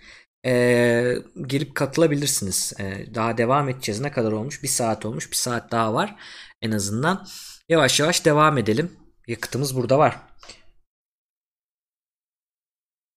Şimdi toplumsal, ruhsal travma yaşayan pek çok kişi olmasına rağmen bir kısmı yani mesela depremi yaşayanların %20'si travma sonrası TSSB'ye yakalanıyor. Bu da bazı kişilerde hastalığa bazı yatkınlık olabileceğini ya da bazılarının da dirençli olabileceğini, dayanıklı olabileceğini düşünüyor. Bu önemli bir şey. Ee, halk sağlığı sorunu tabii ki bu tarz durumlar. Ee, kadınlarda bir, biraz daha fazlaymış. Bunun tabi bu bir değişik bir istatistik. Erkekler bunu e, kabullenmiyor da olabilir. Yani bu tarz semptomları söylemiyor da olabilir. Ben mi korkacağım, niye korkacağım falan o toplumsal roller var ya olabilir. Dolayısıyla kadınlarda bu daha yüksek çıkıyor ama dikkatli yaklaşmak gerekiyor bu istatistiğe. Geçmişte başka travmalar yaşayan ya da daha önce ruhsal hastalık geçirmiş olanlar veya yakınlarında ruhsal hastalık bulunan kişilerin e, TSSB'ye yakalanma ihtimali daha fazladır diye bulunmuş. E, mantıklı. Peki kaçınma ya da unutmaya çalışma travmanın etkilerini azaltmıyor. Ona gelelim. Şimdi birazcık olayın arasına girdik yani bilgileri aldık. Olay şu tamam travmatik olaylar nedir anlattık. Şimdi geri dönelim şu Yeni Zelanda olayını bir daha bir uğrayalım bakalım. Oradaki sorularınıza bakalım. Şimdi bir defa arkadaşlar şurada şöyle bir kriter var ona bakalım. Şimdi A kriteri nedir? Bu olaya maruz kalma. Ex, e, ne diye çeviriyoruz onu? Exposure, maruz kalma. Güzel bir kelime. Yazalım bunu da bakın. Exposure, maruz kalma. Tamam mı? Ee, güzel bir kelime. Actual, yani gerçekten maruz kalma ya da or threatened. Yani bunun tehdidi altında kalma, ihtimali altında kalma. Neyin? Ölümün, ciddi şekilde yaralanmanın ya da e, cinsel saldırganlık, cinsel şiddete. In one or more yani bir veya daha fazla crit bunlara dört tane yolu olabilir diyor. Nasıl? Bakalım. Şimdi Yeni Zelanda olayına bağlı. Bir, direkt olarak bu olayın parçası olabilirsin. Böyle bir ee, ne bileyim o işte o şeyden terör olayından kurtulan biri olabilirsin. Bir. İki, witnessing in person kişisel olarak orada birebir olarak orada kendin bulunarak yani uzaktan bakarak değil in person e, bir ne olarak ay onun Türkçesi neydi in person'ın güzel bir Türkçe karşılığı vardı. Ha bizzat şahsen şahsen evet. E, bizzat olayı olayı ya e, tanık etme, tanıklık etme. Bizzat sen şahsen orada tanıklık ediyorsun başkalarına olurken. Şimdi bu önemli bir şey. Yani bomba patlamıyor ama sen bomba görüntüsünü görüyorsun. Bu önemli bir şey. Buraya bazı uzmanlar bu kritere olayı işte Facebook canlı yayınından veya internetten görmeyi de katıyor. Çünkü şey yapıyorsun. Ama burada in person demişler. Uzaktan görmeyi katmamışlar. Ben düşünüyorum ki DSM'in bir sonraki versiyonunda bu olacak. Onu söyleyelim. Onu söyleyelim. Dahilinde. Yok dahilinde değil de ee, şey ne oldu? Bizzat, bizzat yani. Kendin orada olacaksın uzaktan bakarak değil diyor. Bu iki. Bizim şu anki olayın travma yaratması olayı yani mitingde gösterilmesi işte izlemeniz bu ikiye giriyor. Bu önemli. Ya da learning that the traumatic event occurred to a close family member yakın bir aile üyesinin ya da yakın bir arkadaşının başına geldiğini öğrenmek. Bunu nasıl öğrendiğin hiç önemli değil. Bu ayrı orada. Çünkü senin yakın bir arkadaşın veya bir aile üyenin, yakın aile üyenin önemi. In cases of actual or threatened death of a family member of a friend, the event must have been violent or accident, accidental. Yani e, bu olayında tabii ki saldırgan, e, şiddet içeren veya kaza sonucu olan bir olay olması lazım diyor. Peki 3 böyle. 4'e bakalım. Experiencing repeated or extreme exposure yani tekrarlanan ya da çok aşırı bir maruz kalma nedir? Aversive details. Nedir bu? Aversive details. Aversive güzel bir kelime. Yazalım bunu da. Kim yazıyor bugün bilmiyorum. Exposure birinci kelimemiz. ikinci kelimemiz aversive. Tiksindirici diyelim. Tiksindirici güzel bir karşılık olmuş oraya. Tiksindirici detaylarına olayın. İşte nedir? E, o cesetleri görmek, kanlı cesetleri görmek, parçaları görmek, o ölüm anını görmek. Bu tarz şeyler tabii ki tiksindirici demeyeyim de yani zor detaylar, e, travmatize edici de, de, detaylar. Bunlara aşırı şekilde bir kere maruz kalmak veya tekrar edici şekilde maruz kalmak da bu A kriterini karşılıyor. Travmatize olma kriterini karşılıyor. Fakat ne örnek vermiş mesela buraya? Mesela o tarz olaylara insanların mesela insan cesetlerini, insanın um, remains, parç nasıl diyelim ona? Ka- kalanlarını, kalıntılı nasıl diyeyim remains. Bak çözemedim. Şimdi güzel bir şekilde söylemem lazım. Çeviri yapacağız ya saygısızlık etmeyelim. E, ceset diyelim. Tabii. Geriye kalan naaş yani cenazelerini toplayan insanların ilk defa oraya var, varan insanların bu çok önemli. Bunlar ya da polis memurları veya işte itfaiye memurları, kurtarıcılar, akut vesaire bu tarz şeylerin e, meslek grupları özellikle. Şimdi rahatsız edici detaylar çok güzel söyledin vel vel vele okuyamadım vele vele vele diyeyim sana öyle. E, rahatsız edici detaylar aversive daha güzel bir çeviri. Turing'de yok bak. E, burada önemli bir not var. Criterion A4 yani A4 kriteri şu kriterin e, elektronik medya veya televizyon, filmler ya da resimlerle üzerinden maruz kalmayı kastetmiyor. Ona uygun uygun değil. E, sadece işle ilgili olması lazım. İşle ilgili bu kadar maruz kalıyorsa ne bileyim gazeteciysen sürekli bunlar okey o zaman oluyor ama e, normal olarak senin benim medyadan bakmayı katmıyor. Ben bunu çok doğru bulmuyorum. Şimdi bunu eklersek tabii birazcık overdiagnosis dediğimiz yani o zaman herkeste PTSD var olacak. Belki onun için etkili eklememişler. Fakat buna da dikkat etmek lazım. Yani şu değil. Ha ya işte A4 kriterinde öyle diyordu da ben o yüzden bu videoyu izledim de rüyalarıma giriyor. Okey ya ben travmatize olmadım. Çünkü öyle bir kriter yok dememek lazım. Olabilirsiniz arkadaşlar. Ona dikkat edin. Niye bunları anlattım? Semptomları biliyorsunuz. Şimdi detaylı da bakacağız semptomlara. Bu belirtiler varsa sizde bunlar normal. Bu videoyu izledikten sonra ya da mitingde izleyen insanlarda. Ama bir ay içerisinde dediğim gibi bunun azalmasını bekliyoruz. Azalmıyorsa buradaki farkındalığınız çok önemli. Onu söyleyelim. Peki zaman e, ne demiştik? Kaçınma veya unutma, unutmaya çalışma travmanın etkilerini azaltmıyor. Bu olay travmatik bir olay. İzle, izleme, o videoyu gör, görme. Bunu duymak bile travmatik etki yaratabilir. Bu etki tabii ki hasta olacaksın demek değil. Travmatik etki başka bir şey. Travmatik deneyim başka bir şey. Travma sonrası stres bozukluğu hastalığı, bozukluk başka bir şey. Her travma sonunda sanda PTSD yapacak, TSSB yapacak demek değil. Ama bu bir potansiyel. O yüzden şunun farkını ol. Bu bir travmatik olaydı evet. Burada etkileri yapabilir evet. Bunları bilmek azalıyor mu azalmıyor mu kendini bir kontrol etmek. Bu çok önemli. Bunun için bunu anlatıyorum bu farkındalığı. Umarım ki önemli de bir bilgi bu. Umarım ki belli şeyleri önceden önlememize sebep olabilir. Önlememizi sağlayabilir. Veya sizin farkındalığınızı e, arttırmaya sağlayabilir. Peki önemli bilgiler. Zaman her şeyin ilacıdır ya. Bakmayayım. Düşünmemeye çalış. Hep bunu derler. Düşünmemeye çalış. Unutmaya çalış. Acaba bu unutmak travmanın etkilerini azaltıyor mu?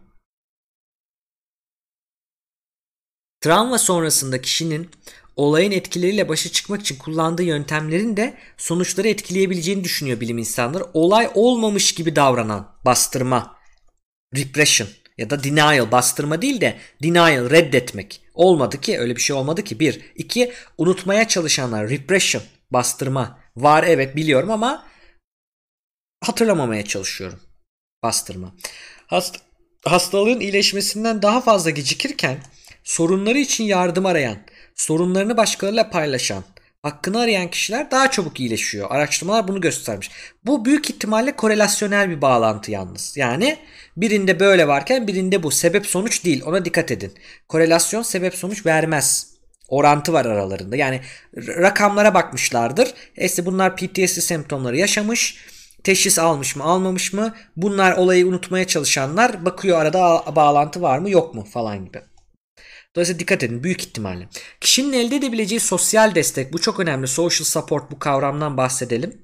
Ve travma sonrasında iyileşmeye olumlu etkide bulunuyor. Sosyal destek az ise özellikle depresyon belirtileri daha fazla hissediliyor. Bu önemli. Yüzleşmeye çalışmak ne etki yaratır demiş Mor Biber. Onu söyleyelim. Özellikle de yüzleşmeye çalışmayacaksınız hazır değilseniz. Bu da çok önemli. Olayı tekrar tekrar anlatmak, başkalarını anlatırken hatırlamak iyi bir şey değil bir amacı varsa ben hep onu söylüyorum. Yani bir ameliyatı niye yaparsın? Boşu boşuna kesmem değil mi? Bir şey sonucunda bir şey kazanacaksam ameliyatı yaparım. Bu tarz olayları tekrardan anlatmak, bunların derinlerine inmekte ben ameliyat yapmak gibi düşünüyorum. Orayı kesiyorsam sonunda elde edeceğim bir şey olması lazım. Bir sebebim yok. Sen bakayım ya bir daha keseyim, bir bakayım. Ha iyileşmiş mi? Tamam dikerim. Sonra bir daha bakayım. Hı, yok iyileşmemiş kapadım. Bu gerek yok. Bu buna benzetiyorum. Bunu söyleyelim. O dolayısıyla sosyalleşmekten ziyade sosyal destek, social support başka bir kavram. Oradan bir bahsedelim. Güzel bir kavram o. Ben böyle çok mu şey anlatıyorum arkadaşlar böyle ne derler? E, heyecanlı heyecanlı anlatıyorum. Dinlemek için uygun mu? Yani böyle çünkü bazen çok heyecanlı anlattığı zaman birisi dinleyen için o sorun oluyor sonradan. Öyle bir şey varsa bana söyleyin. Biraz sesimin tonunu şey yapayım. Heyecanlanmayayım. O kadar yani. İdeal tamam. Şimdi social support dediğimiz olay ee, bu çok önemli bak. Sosyalleşmenin de ziya, e, ötesinde ziyadesinde şu. Sosyal destek kişinin algıladığı bir şey. Objektif olarak görebileceğin bir şey değil çok önemli. Is the perception. Perception algı. Bunu da yazabiliriz üçüncü kelime olarak. Exposure ee, neydi bir tanesi? Aversive vardı. Bir de şey perception. Ee, algı. Senin kişinin algıladığı perception and actuality. Öteki de gerçekten var oldu ama ben biz burada psikolojik bakarken algısı. Sen gerçekten hem algında hem gerçekte e, önemseniyor musun? Birileri seni düşünüyor mu? Bir. İki. ihtiyacın olduğunda yardım alabilecek misin? İşte ne derler ah dediğimde koşanım imdat dediğimde koşanım var mı yok mu? Bunu düşünüyor musun yoksa benim kimseden hayır yok bana mı diye düşünüyorsun? Türk kültürünü uyarlarsam. Ve bu çok önemli. Ve böyle bir ortamın, böyle bir network'ün, sosyal ağın içerisinde misin? Bakın bu çok önemli. Yeri gelir şu e, gelecek bilimde bile bir sosyal destek ağı olabilir. Şöyle bir ağ. Sen bir derdini anlatırsın. Kimse bunu dikkat etmezken burada bir chatte biri der ki sana ya ben de yaşadım. Evet çok zor bir durum. Anlıyorum seni der. O o bir kıvılcımı çakar işte. Ama burada daha önemlisi biz mesela bu tarz durumlarda hemen kişinin yakınlarıyla bir arada olmasın. Ailesiyle işte e, kız arkadaşı, erkek arkadaşı, sevgilisiyle bir arada olması. Anlatabiliyor muyum? Veya yakın arkadaşlarıyla bir arada olması isteriz. Neden? Bu kişiler çünkü sosyal destek ağıdır. Senin çevrendedir. Ya ben tekrardan rüyasını görüyorum. Çok kötüyüm dediğinde aradığında, ulaştığında sana gelip hemen destek sağlayacak, seni o olaydan kurtaracak bir şekilde yanında olduğunu hissettirecek insanlardır. Bu yanında olduğunu hissetme çok önemli. Ne gibi kaynaklar olabilirmiş? Emotional nurturance. Yani duygusal olarak işte şey yapma. Ben yanındayım tamam olur geçer falan filan. Bilgisayar olarak informational, enformasyon olarak ne bileyim belki bir tavsiye verecek sana. Companionship yani aidiyet. Ben de senin yanındayım. Birlikte aşacağız olayı tangible olabilir. Yani elle tutulabilir maddi olabilir finansal bir destek sağlayabilir. Ya da intangible manevi olabilir ne bileyim bir destek verebilir bir sana tavsiye verebilir. Yanında olması bile bir şey yapabilir. Sosyal destekten kastımız bu. Peki bunu öğrendik. Yani bastırmak kaçınmak veya unutmaya çalışmak etkileri azaltmıyor. Tam tersine iyileşmenizi zorlaştırıyor. Ne yapacaksınız? Destek arayacaksınız. Sosyal destek ağı kurmaya bakacaksınız böyle bir olaydan sonra. 1 2 Zaman her şeyin ilacı mıdır? Zaman travmanın etkilerini ortadan kaldırıyor mu? Kaldırmıyor demiş. Yapılan çalışmalar travmalarda hangi çalışmalar? Kaynak göster diyeceğim ama ee, bakalım onlara. Ben gene buraya demek ki ihtiyatlı, ihtiyatlı yaklaşacağım demektir yani. Çünkü site güzel bir site verilen bilgiler DSM'den alınıyor ama kaynak göstermek yine önemli. Kayırmak yok arkadaşlar. Biz de göstermiyorsak kendime de yazarım yani. Anlatabiliyor muyum? Evrim ağacı bütün yazılarında gösteriyordur çoğununda. Bir tanesi göstermiyordur. Yazarım. Popular Science destekçilerimizden biridir kaynak gösterin. Yine unutmuştur kaynak göstermeyi. Gene söylerim. Bu affetmem işte ben işte yakalarım kafası değil. Tam tersi birbirini uyarma, birbirini geliştirme. Anlatabiliyor muyum? O yüzden onları söyleyelim. Eee duygusal davranmaya gerek yok orada. Yapılan çalışmalar travmalardan sonraki ilk günlerde olayı yaşayan kişilerin çoğunun ruhsal olarak etkilendiğini, korktuğunu, kabuslar gördüğünü demin anlattığımız bir ay boyunca sürebilir. Ancak bu belirtilerin birçok kişide günler veya haftalar içinde geçtiğini bir ay diyelim maksimum. Ancak etkilerin her 5-6 kişiden birinde belirtilerin düzelmesiye çok uzun zaman sürebiliyor. Ee, bazen ise yıllarca devam edebiliyor. Bu nedenle zaman her şeyin ilacıdır sözü herkes için geçerli değil arkadaşlar. Bunu öğrenmiş olduk. Ha, güzel bir soru sormuş Quantum Fire. Bak hiç öyle düşünmemiştim. Bunları çevremdekilere anlatınca bu kişilerin travmatize olma durumu nedir? Olabilir. Buradaki sosyal destekten kastımız dediğim gibi şunu desteklemiyor. Araştırmalar gösteriyor ki arkadaşlar derste öğrenmiştik bunu. Kaynağını bulup atarım yine bu şeye drive'a. Araştırmalar gösteriyor ki şöyle bir durum var. Tekrardan olayı geriye sarmak olayı yaşanan yaşayan insanlarla tekrardan anlatmak iyi bir şey değil kötü bir şey tam tersine bir yararı yok o anlamda. Tam tersine arkadaşlar elimizdeki belirtilerle uğraşmak. Aslında travma sonrası stres bozukluğunun çözümü nedir biliyor musunuz? Nihai çözümü. Bunu böyle bir soyut bir şekilde söylersem olay şudur. Bu olay yaşandı. Evet travmatik bir olaydı. Evet üzücü bir olaydı. Fakat biz bu olayı geriye artık döndüremeyiz. Bu olayın her neyse yaşandı, bitti. İyi veya kötü benim kişiliğimin artık bir parçası. Bunu değiştiremem kabullenmek yani. Savaşmamak. Ya keşke olmasaydı. Niye benim başıma geldi? Bilmem ne bilmem ne bilmem. Suçlu hissetme. Mesela Survivor Survivor's Guilt denen bir kavram vardır. Kurtulanların e, suçluluk duygusu. Guilt, vicdanı diyebiliriz yani. Nedir? E, ben kurtuldum ötekiler öldü. Niye kurtuldum?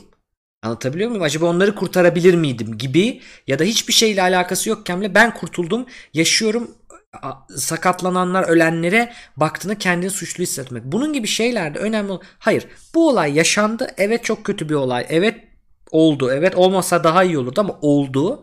Ve bu benim artık kişiliğimin bir parçası. Bunu kabul ediyorum. Beni ben yapan şeylerden bir tanesi de ne bileyim 99 depremi. Beni ben yapan şeylerden biri de 15 Temmuz olayı. Okey. Yani olay bu aslında. Buraya varmak. Buraya gerçekten vardığınızda o olaylar ortadan kalkıyor. Ama burada önemli olan başkalarına anlatırken e, Quantum Fire sormuş. Başkalarına anlatırken sosyal destekten kastımız ne yaşandığını aynen anlatmak değil. Siz kendinizi hazır hissettiğinizde bunu bir profesyonel anlatmalısınız. Çevrenizdekiler bunu sorsa da hazır hissetmiyorsanız anlatmayın. Bir yararı olmayacaksa e, ne peki ne yapacağım ne bana tavsiye verecek dersiniz. Genel şeyleri yani olayın kendisinden ziyade sizin yaşadığınız olaya sizin yaklaşımınız. Yani şöyle oldu böyle oldudan ziyade ben böyle hissediyorum. Ben şöyle şöyle kabuslar görüyorum. Böyle böyle oluyor dediğinde sosyal destek şunu bile bilmek çok önemli. Gece ben kabus gördüm ne bileyim tek yaşıyorsundur. Kabus gördüm. Aradığımda beni telefonda o saatte gece uyanıp beni sakinleştirebilecek bir arkadaşım var mı? Anne baban, çevren var mı? Ailen var mı? Çok önemli. Bakın.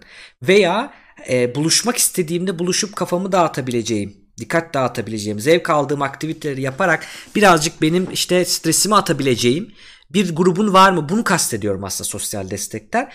Dolayısıyla karşıdakini ne travmatize edebilirsin? Karşındakinin bunu öğrenmek istiyor mu? Detayları öğrenmek istiyor mu? Bu çok önemli. Belirtilerden e, bak bakacağız. Evet o da aslında burası da o kategorileri ele almış. Şimdi belirtileri birlikte konuşalım detaylı. Ben şu şeyden bakacağım yine. DSM'den bakacağım. Çünkü zaten bir e, psikiyatr veya bir klinik psikolog da sizi buna göre değerlendirecek. Olsify uzun bir soru sormuş.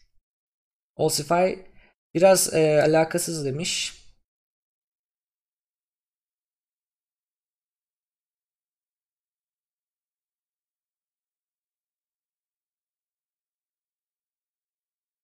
Güzel bir soru. Çok güzel bir soru sormuş e, Osify. Demiş ki belki biraz alakası tam güzel alakalı bence. Bazen arkadaşlarım bana yaşadıklarını, zorluklarını vesaire anlatıyorlar ve ben de bir nevi terapi arıyorlar.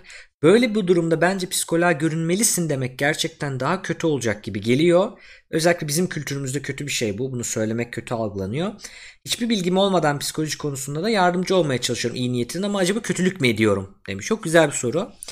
Ee, burada şöyle bir ayrıma gitmek gerekiyor.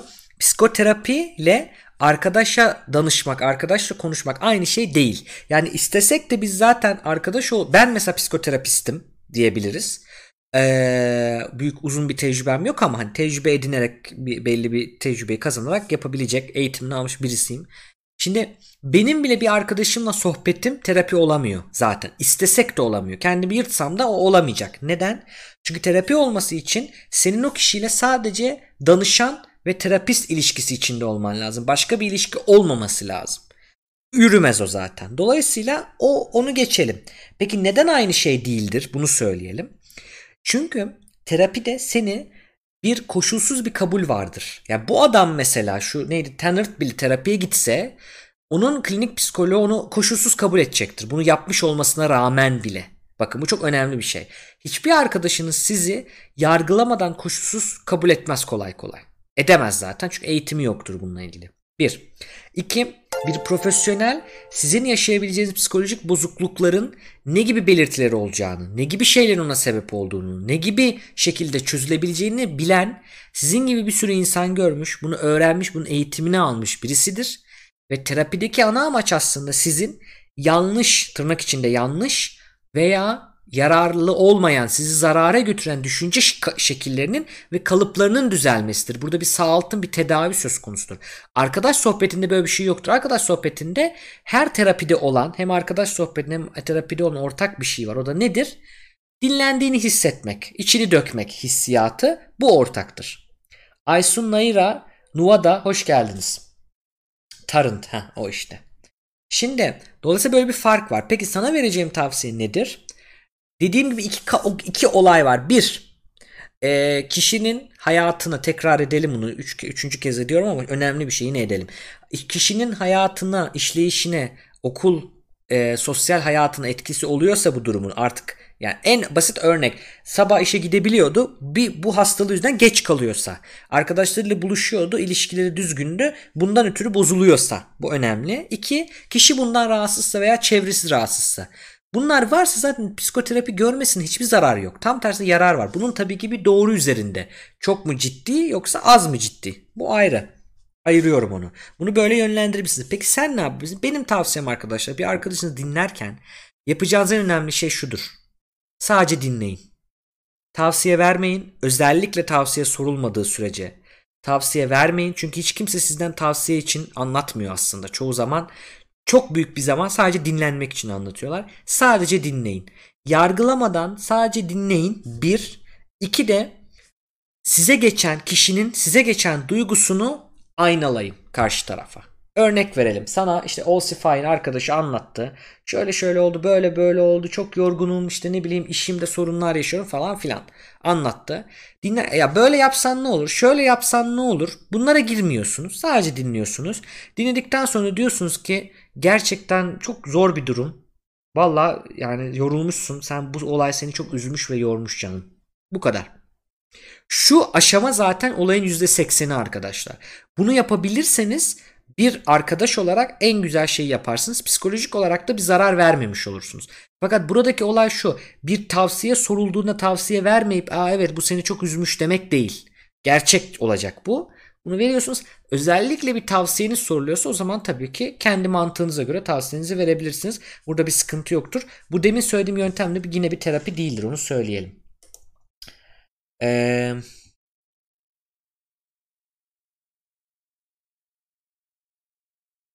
Sen yıkılmışsın, bitmişsin. Öyle de değil. Size ne geçiyorsa. Yani ay sen buna çok yorulmuşsun. Bu seni çok üzmüş. Üzgün görüyorum seni. Doğru muyum? Sinirlenmişsin. Haklısın. Doğru muyum? Duygular her zaman haklıdır. Unutmayın. E, güzel bir şey söylemiş Murat Sendur. Bu cümleyi tabii ben böyle anlatıyorum ama bunun bir sürü söyleme yöntemi var. Amaç bu. Mesela senin şu söylediğine bakalım. Eee Arkadaşın böyle bir cümle kurarsa evet ben de olsam ben de geçiştirdiğini düşünebilirim. Yani birazcık böyle çok kitap cümlesi gibi geliyor bana da. Biraz böyle geçiştirme gibi geliyor. Evet olabilir. Ya bu seni peki kızdırır mı? Kızdırdığını düşünüyorum. Haklı mıyım sence? Kızdırır mı Murat? Bu kadar. Şunu yap bunu yap falan demeden böyle bir yaklaşım yapmak. Yorum yapmıyor değil. Yorum özellikle istiyorsa insanlar sizden. Tavsiye sonraki aşama bakın. 1 2 tavsiye 3. aşama özellikle tavsiye isteniyorsa. Sence ne yapmalıyım diye sorulmuyor arkadaşlar. Bir derdim var derdini anlat. Önce bir derdi acknowledge etmek. Derdin orada olduğunu fark etmek. Kişinin yaptığını fark etmek. Bu çok önemli. Şimdi travma sonrası stres bozukluğunu belirtilerine bakalım mı birlikte? İster misiniz? Bakalım. Belki e, bende de var falan diyenler oldu. Onu bir birlikte bakmış oluruz. Zaten birçoğunu söyledik. E, şu A'yı bitirdik zaten. B'ye gelelim. E, araya girici semptomlar olması lazım. E, travmatik olayla alakalı olacak bunlar ve travmatik olaydan sonra başlayacak tabii önce değil. Nedir? Recurrent, tekrar edici, istemsiz şekilde ve araya girecek şekilde e, kötü seni kötü anıların e, olayların geri gelmesi bunları hatırlaman. 6 yaştan küçük çocuklarda bu bu anıları hatırlamaktan ziyade ne bileyim olayı oyununu oynamak olabilir. Ne bileyim işte birisi onu dövmüştür o dövmenin oyununu yapıyordur gibi. Olabilir çünkü 6 yaşından küçük çocuğun böyle bir hatıram var bunu hatırlıyorum demesi farklı bir şey. Recurrent Distressing dreams in which the content and or effect of the dream are related to. Ee, tekrar edici, rahatsız edici rüyalar. Rüyanın içeriği ya da rüyanın yarattığı duygu. Bak çok önemli. Rüyanın içeriği olabilir. Direkt olayın aynısını rüyası görüyor olabilirsin. Veya çok başka bir şey görüyorsun ama sende yarattığı son o ağızda kalan tat gibi derim ben onu. Uyandığında hissettiğin rüyada ne hissediyordun? Hatırlıyordun değil. Ne hissediyordun? Verdiği duygu ne? O duygu ne bileyim korku duygusuysa işte travmatik olayda yaşadığın korkuyla bağdaştırabilirsin. O önemli. Çocuklarda tabi bu rüyanın içeriği kontenti muhteviyatı belli olmayabilir. E, ama e, korkulu bir rüya varsa onu sayıyoruz Dissociative reactions bunlar hep B'nin şeyleri yani araya girici semptomlar. Dissociative reactions flashback yani olay ben bir şey yapıyorum bir anda flashback orayı hatırlıyorum. Filmlerde bu çok görülür. Ne oluyor? Bu kişi e, ya böyle hissediyor ya da böyle davranıyor tekrardan bu olay yaşanıyormuş gibi. Okey.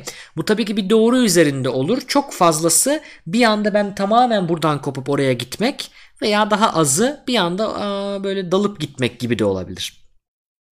4. Intense or prolonged uza, uzun bir süre devam eden ya da çok şiddetli psikolojik bir e, rahatsızlık hissi. Neye rahatsızlık hissi?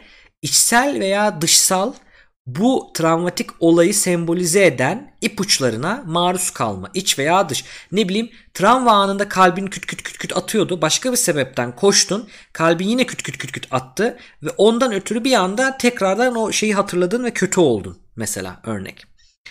Ee, veya araba kazası geçin ama arabayla ilgili değil de ne bileyim reklamda gördüğün bir başka araba araba çağrıştıracak bir şey. Ne bileyim araba kornası falan tekrardan hatırlatıyor. Marked physiological reactions to internal external cues that symbolize. Şu 4 ile 5 çok yakın. Bir tanesi psikolojik distress, ötekisi fizyolojik reaksiyonlar. Ne ne olabilir? İşte kalp çarpıntısı olabilir mesela. Tekrardan bunu hatırlamak. Dinle, yorumla, tavsiyele olabilir. Dinleyeceğiz e, yargılamadan. Ne gördüysen ne aldıysan onu karşıya vereceğiz. Aynalayacağız e, veya soracağız. Tekrar özet geçeceğiz. O da olabilir. E, tavsiye soruluyorsa vereceğiz. Orası opsiyonel.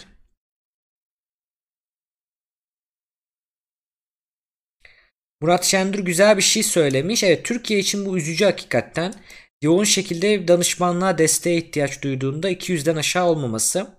Bir tavsiye vereyim. Hastanelerde, devlet hastanelerinde e, bazen psikoloji mezunu, klinik ya da kız klinik psikoloji mezunu insanlar olabiliyor. Bakın dikkat edin. Veya bazı özel hastanelerde SSK bunu karşılayabiliyor. Buna dikkat edin. Bunları bulursanız onlara gidebilirsiniz. Bir. İkinci opsiyon, ikinci, birinci bunu tavsiye ediyorum. Bu olmazsa bulamazsanız nasıl bulacaksınız? İşte o internetten randevu alırken gözüküyor kim olduğu. İsmiyle arattığınızda psikolog zaten yazıyor. Doktor yazmaz, psikiyatr yazmaz, psikolog yazar. Onun eğitimine bakacaksınız. Psikoloji mezunu mu, klinik psikoloji mezunu mu ya da, da bilişsel davranış terapi eğitimi almış mı? En az 200 saatlik yapan. Buna bakacaksınız. Bir, bu, bu kısmı tekrar oynatabilirsiniz. İki, ee, Buna bakıp bulacaksınız. İşte devlet hastası bu bir. İki de bir psikiyatr olabilir fakat bilişsel davranışçı terapi eğitimi almış mı? Terapi eğitimi almış mı?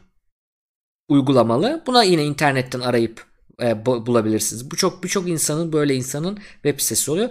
Onlara da yine SSK üzerinden ziyaret ederek bence bunu yapabilirsiniz. Zaten BDT'de fazla seans gerekmiyor. 5-6 seansta bir yerlere geliniyor. Onu söyleyeyim. Böyle bir size numara öğretmiş olayım. Ee, psikiyatra gidiyorsanız ilaç yazıyorsa yazsın ama siz ilacı değil terapi bu böyle terapi eğitimi al, alana gidersen zaten hemen ilaç yazmaz. Ee, yazsa bile sen kullanmayabilirsin o senin hakkındır. Terapi isteyeceksiniz. Terapi talep edeceksiniz hasta olarak. Önemli olan o. Terapi eğitimi almış psikiyatra giderseniz zaten terapi yapamayacaktır. Sadece ilaç yazacaktır. Bunu söyleyelim. Eee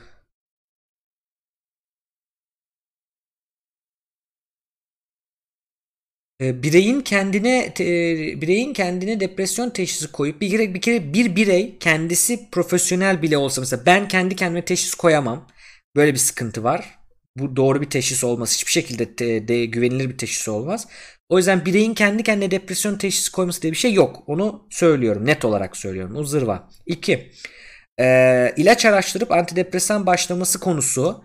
E, aynı şekilde bir olmadığı için iki de öyle. Yani bir antidepresan hele ki psikoaktif bir ilaç yani beyin kimyasını değiştirecek, etkileyecek bir ilaç. Antidepresan ilacın kendi kendinize başlamanız, bitirmeniz asla. Yapmayın. Böyle bir kötülüğüne kendinize yapın. Çevrenizde birisi yapıyorsa herhalde öyle sordunuz. Öyle anlıyorum. Başkası için soruyorsunuz. Sakın engelleyin lütfen ve sebebini de böyle anlatın. Yani neden olduğunu.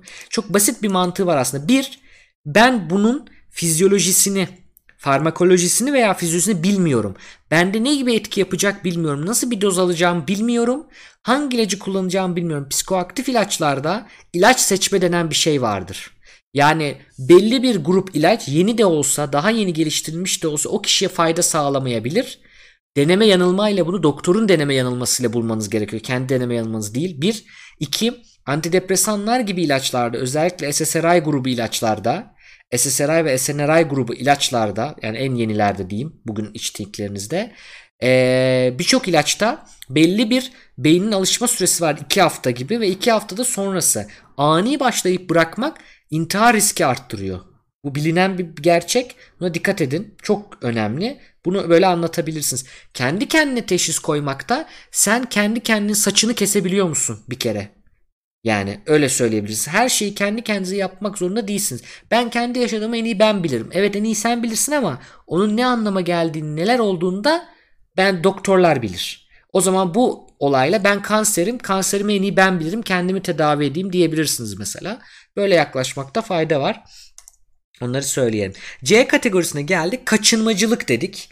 Ee, kaçınmacılıkta olay ne dedik? Olaydan sonra başlıyor. Travmatik olayla ilgili iki şekilde iki her ikisi de olabilir. ikisinden biri de olabilir. Avoidance kaçınma ya da kaçınmaya çalışma, kaçınma efor, e, çabaları ne? Bununla olayla ilgili rahatsız edici düşünceler, anılar veya düşüncelerden kaçınmaya çalışma veya kaçın kaçınma veya kaçınmaya çalışma. İki de yine kaçınma veya kaçınmaya çalışma ne gibi dışsal hatırlatıcılar olayla ilgili kişiler ne bileyim bir polisle ilgili bir travma yaşadım polislerden kaçmak kaçınmak. Yerler o orada bir olay yaşadı meydanda yaşadı meydanlara gidememe. E, ne bileyim e, onunla ilgili görüşmelerden konuşmalardan kaçınma. Aktivitelerden objelerden veya durumlardan kaçınma diyoruz. Bu da C kategorisi. D negative alterations in cognition and mood duygu durumda ve düşünmeyle ilgili zihinsel, bilişsel ve duygu durumla ilgili ne, negatif, olumsuz bozulmalar, ne gibi bozulmalar? E, travmatik olayla başlayacak bunlar. İki veya daha fazla şekilde olacak bunlar. Bir, olayla ilgili önemli şeyleri hatırlayamama. Mesela buna disosyatif amnezya deniyor. Olaydan sonra olan disosyatif amnezi.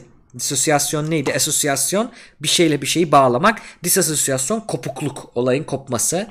Amnezi de hafıza kaybı. Um, and no other factors such as head injury, alcohol or drugs. Okay? E, disosyatif amneziye bağlı bunlar. Kullandığınız kafa travmasına, alkole veya ilaçlara bağlı değil. Bu bir. İki. E, persistent and exaggerated negative beliefs. Kalıcı, yani inatçı ve abartılı negatif düşünceler veya beklentiler kendinle ilgili, başkalarıyla veya dünya ile ilgili. Ben kötüyüm, kimse güvenilmez, dünya çok tehlikeli bir yer. Ee, benim bütün sinir sistemim kalıcı olarak hasar gördü gibi şeyler. Sinirlerim çok yaprandı falan gibi düşünceler. 3. Bunlar kognitif kısmı. 3. Ee, yine inatçı ve distorted cognitions yani bozulmuş gerçeklikle alakası olmayan bazı düşünceler. Olayın, travmatik olayın sebebi veya sonuçları ile ilgili kendini veya başkalarını suçluyorsun. Yani böyle böyle bir olay oldu. Bunun sebebi bu adam değil ne bileyim faiz lobisi falan demek gibi. Ya da işte bu olay oldu polis bunu yaptı bütün polisler suçludur. Ya da ben suçluyum ben kurtuldum kurtulmamalıydım gibi. Sürekli olan inatçı bir şekilde devam eden olumsuz bir duygusal durum dan bahsediyoruz. Korkulu olma, e, dehşete düşme, sinirlilik hali, suçluluk hali ve utanç hali. Yine 5 mesela bunların 2 veya daha fazlası demiştik bu semptomlardan. 5 e, normalde seninle ilgili anlamlı olan aktivitelere ilginin azalması veya daha az katılman. Başkalarından yabancılaşma veya kopukluk hissi ve e, olumlu duyguları deneyimleyememe. Olumlu duyguları deneyimleyememe. Yani inability bu. Yapamamak, yapmamak değil yapamamak. Anhedonia gibi. Mutluluk hissedememe, tatmin hissedememe, sevgi hissedememe gibi. E'ye gelelim. Eee Anlattık bunları. Nedir bunlar? Travmatik olayla ilgili değişmiş uyarımlar veya tepkiler. E, travmatik olaydan sonra başlıyor. İki, en az iki tanesi olacak. Irritable davranış ya da sinir patlamaları, öfke patlamaları. Çok az veya hiç provokasyon olmadan, kimse seni tetiklemeden patlamalar. Irritable bir davranış. Yani dengesiz. Genelde sözel veya fiziksel saldırganlık olarak insanlara veya objelere ne bileyim kapıları yumruklamalar, birilerine saldırmalar, bağırmalar, çağırmalar, kolay sinirlenmek gibi. Dikkatsiz veya kendine zarar verici davranışlar ne bileyim kask takmamak, kemer bağlamamak, dikkat etmeden yürümek falan filan gibi veya kendine zarar vermek. Hyper vigilance güzel bir kelime. Vigilant olmak, tetikte olmak, fazla tetikte olmak. Hyper vigilance. Bundan bahsetmiştim abartılmış bir e, irkilme şeysi. Konsantrasyon bozuklukları veya uyku bozuklukları. Uykuya dalmada, uykuda kalmada ya da e, uyuduktan sonra yine uyumamış gibi hissetme. Uykudan uykunu alamama. Uyusuyorsun saat olarak uyumama. Bu durumlar tabi bir aydan daha fazla olacak. Onu söyledik. Bir aydan daha az olması şu saydıklarım hepsi normaldir. Ama yine de dikkatli olacaksınız. Artıyor mu azalıyor mu? G'yi ve H'yi de söylemiştik. Bütün belirtiler bunlar arkadaşlar travma sonrası için. Bakalım. Ee, bir defa doktor yazmıştı bir ilaç kullandım ama bir tane yutunca gün boyu ölü balık gibi boş boş bakıyordum. O defadan sonra antidepresanlardan hep uzak durdum. Şimdi antidepresan kötü demek değil. Doğru kullanıldığında sizin ne bileyim şurada olan intihara meyilli bir insanı hayata geri döndürebilir, işine geri döndürebilir ve o geri döndürülmüşlük anında o insan terapi yapabilir veya bu düşünceleri kurtar kurtulabilir. Zararlıdır, antidepresanlar kötüdür, ilaç şirketlerinin oyunudur dememek lazım. Ama doğru kullanmak gerekiyor arkadaşlar. Dolayısıyla bir tane kullandım, kötü bir şey yaşadım dediğimiz bir mantıksal bir yanılgı yapmış oluyoruz burada değil mi? Burada ee, şey yapmış oluyoruz yani Texas Sharpshooter yapmış oluyoruz. Bir tane kötü olaydan, kötü örnekten örnek yapmış oluyoruz. Öyle değil. E, fakat bu tarz ilaçlar beyin kimyasını değiştirdiğinde yavaş yavaş etkileri görülüyor. Yani bir antidepresanın siz doğru etkisini iki haftada görüyorsunuz. Tabii ki o sürede belirti bel, belli yan etkiler yapabilir. Bu yan etkiler zamanla azalır, dengeye girer. Anlatabiliyor muyum? Yani mesela nasıl bir örnek vereyim? Tansiyon ilacı kullanacaksın. Sürekli kullanacağınız bir ilaç. İlk kullandığınız ürünler fazla düşürüp sizin başınızı döndürebilir. Ya bu benim başımı döndürdü ben bunu içmeyeyim dememek gerekiyor. Anlatabiliyor muyum? Aynı mantık. Dikkat etmek gerekiyor. Doğru ve dozunda kullanıldığında ve geçici olarak kullanıldığında ilaçlar psikolojik psikoaktif ilaçlar çok önemlidir. Tedavinin önemli bir parçasıdır onu söyleyelim. Makale ismi Nikurya sormuş. Hangi makale? Şu makale var zaten. Bu Türk Psikolog, Psikolog Psikiyatri Derneği'nin makalesi, sayfası. Onun linki var. Bu psikolojik ilk yardım. Bu da Drive'da var. Bu da DSM-5'in travma sonrası stres bozukluğu sayfası. Sertalin maddesi zaten e, çok kullanılan bir madde. İşte lustral mesela sertalin.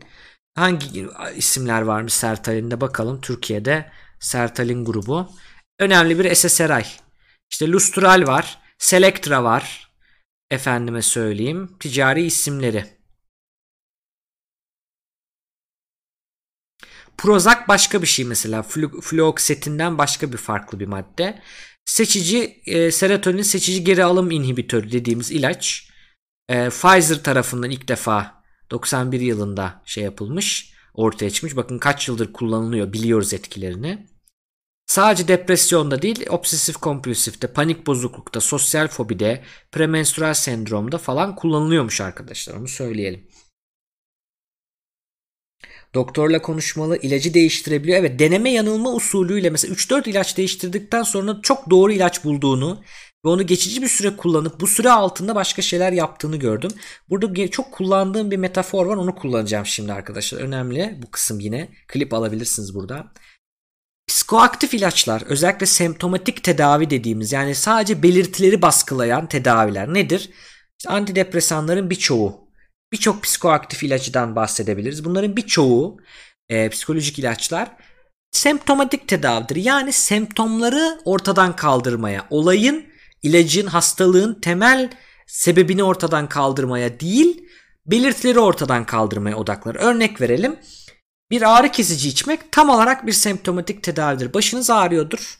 İşte ne bileyim neden ağrıyabilir başınız? Başınızın içerisindeki basınç miktarı fazladır. Intrakraniyel basınç fazladır. Bunun bir sebebi vardır belki. Ne bileyim ödem vardır, bir şey vardır. Fakat siz bu baş ağrısını ağrı kesici alıp hissetmeyebilirsiniz ama o ödem hala orada durur. Anlatabiliyor muyum? Tam olarak e, semptomatik tedavi bu. Şimdi semptomatik tedavi gibi semptomatik tedaviler işte antidepresan gibi şeylerde kaide şudur. Şöyle düşünün. Narkoz veya uyuş, orayı uyuşturmak, lokal anestezi. Neden ben lokal anestezi yaparım ya da neden narkoz yaparım? Sebep çok basit. Açacağım. Belli bir süre açtığımda acı hissetmemem lazım. Lokal anestezi yapmam lazım ki hasta sabit durabilsin, kötü hissetmesin. Ben o arada açayım, yapacağım şeyi yapayım, olayın ana kaynağını çözeyim, tekrar kapatayım ve bu süreçte kişi bunları hissetmesin. Doğru mu? Doğru. Veya olay kendiliğinden iyileşsin. O mesela bir, birincisi bu. ikinci ihtimal yanık var. Bir yerin yandı. Zaten bu vücut kendini kendi kendine tamamlayacak. Ağrıyı geçecek ve yap, yapacak. Senin yapman gereken özel bir şey yok. Ama ağrıyı da çekmek istemiyorsun. Çünkü seni kötü etkiliyor. Ağrı kesici içiyorsun. Onu ya da lokal anestezi sürüyorsun oraya. Geçiyor. Zaten zamanında geçiyor. Diğer bu da bu. Mesela grip ilaçları. Zaten gripiniz 2 hafta içerisinde maksimum iyileşiyor. Vücut kendi kendini savaşını tamamlıyor. Sizin arada aldığınız semptomatik tedaviler işte aspirinler, maspirinler işte şeyler e, steroid olmayan ağrı kesiciler falan bildiğimiz şeyler işte ib ibuprofenler, e, parasetamoller falan. E, gerçi onlar şeyi de engelliyor. İltihabı da engelliyor. Orayı o doğru bir örnek olmadı o. Neyse ağrı kesici diyeyim geçeyim. Bunlar yani ya açacağım ben bir şey yapacağım o sürede beni orada tutsun ya da zaten zamanla iyileşecek o sürede bunu hissetmeyeyim. Semptomatik tedavi. Dolayısıyla ben depresyonum var antidepresan kullanayım iyileşeyim diye bir şey yok arkadaşlar. O antidepresanı içiyorsan 6 ay mı içeceksin? O 6 ayda sen kendine bir narkoz penceresi açmış oluyorsun. Orada o aralıkta sen bu yanlış düşünceleri kitabını okuyarak psikoloğa giderek, psikiyatra giderek, terapiste giderek çözmelisin. Kendini halletmelisin. Bu aralık sana sana narkoz gerekli bir şekilde veriliyor. O alanı, o pencereyi kullanmak için veriliyor. Yani bu antidepresan sürekli kullanmak şuna benziyor. Yani benim kanserim var. Kanserin ağrısını engellemek için sürekli narkozla morfinle dolaşmaya benziyor. Ya tamam morfini al ama bir, bir kemoterapinde yap, radyoterapinde yap, ne bileyim ameliyatında yap gibi. Bu çok önemli. Bu örneği söyleyelim. Davandula zaten söylemiş.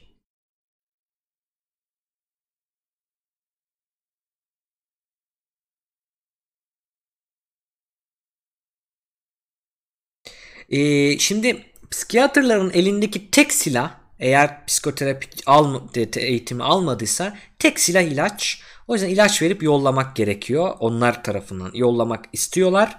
E, bu doğru bir davranış mı? Hayır değil. Çok dikkatli yapmak gerekiyor. Çok fazla sayıda tüm dünyada ve Türkiye'de de fazla sayıda ilaç kullanılıyor. Gereksiz ve zarar verici ilaç kullanılıyor.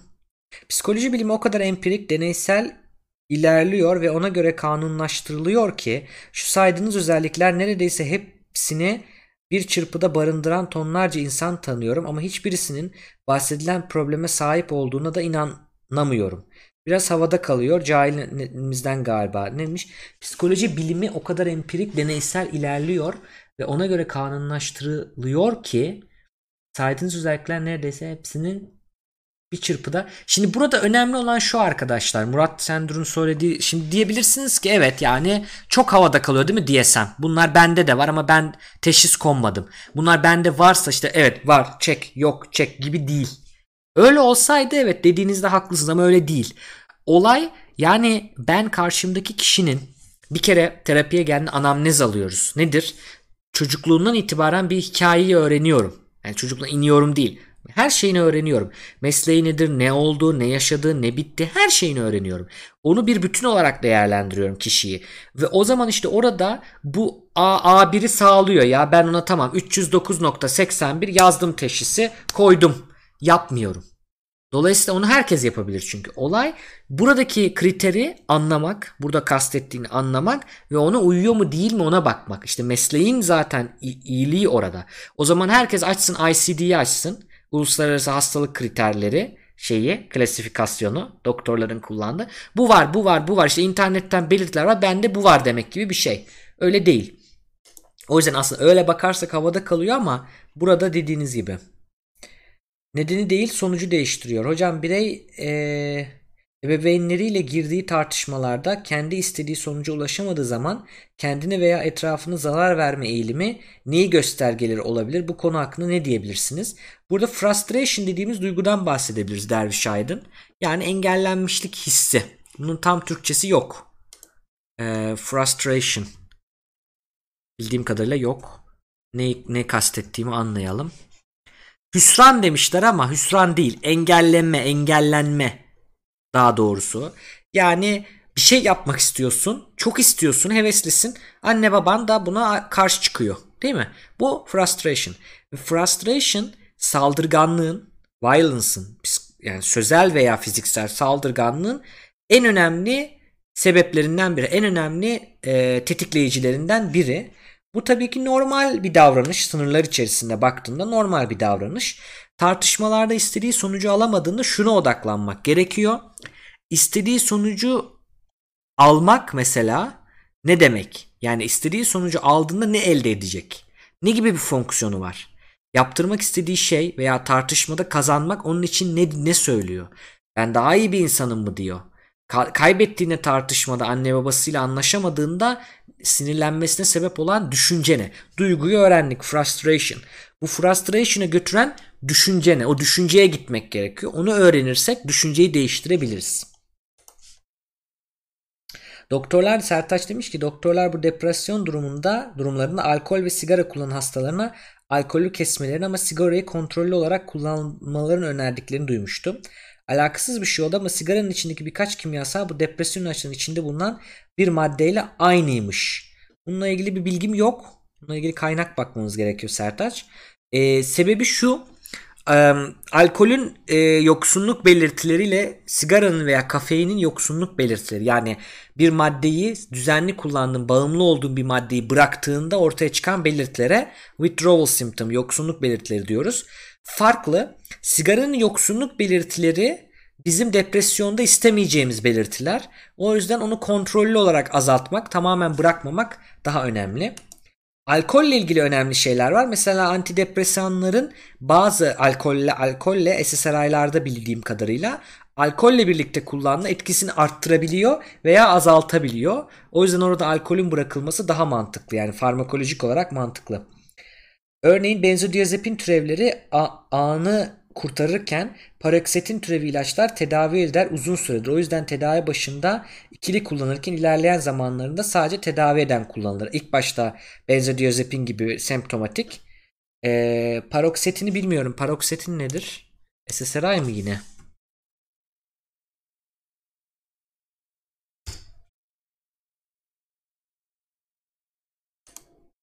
Ha Paksil. Yine SSRI'miş bu. Şimdi SSRI'ların arkadaşlar şu İngilizcesinden bakalım.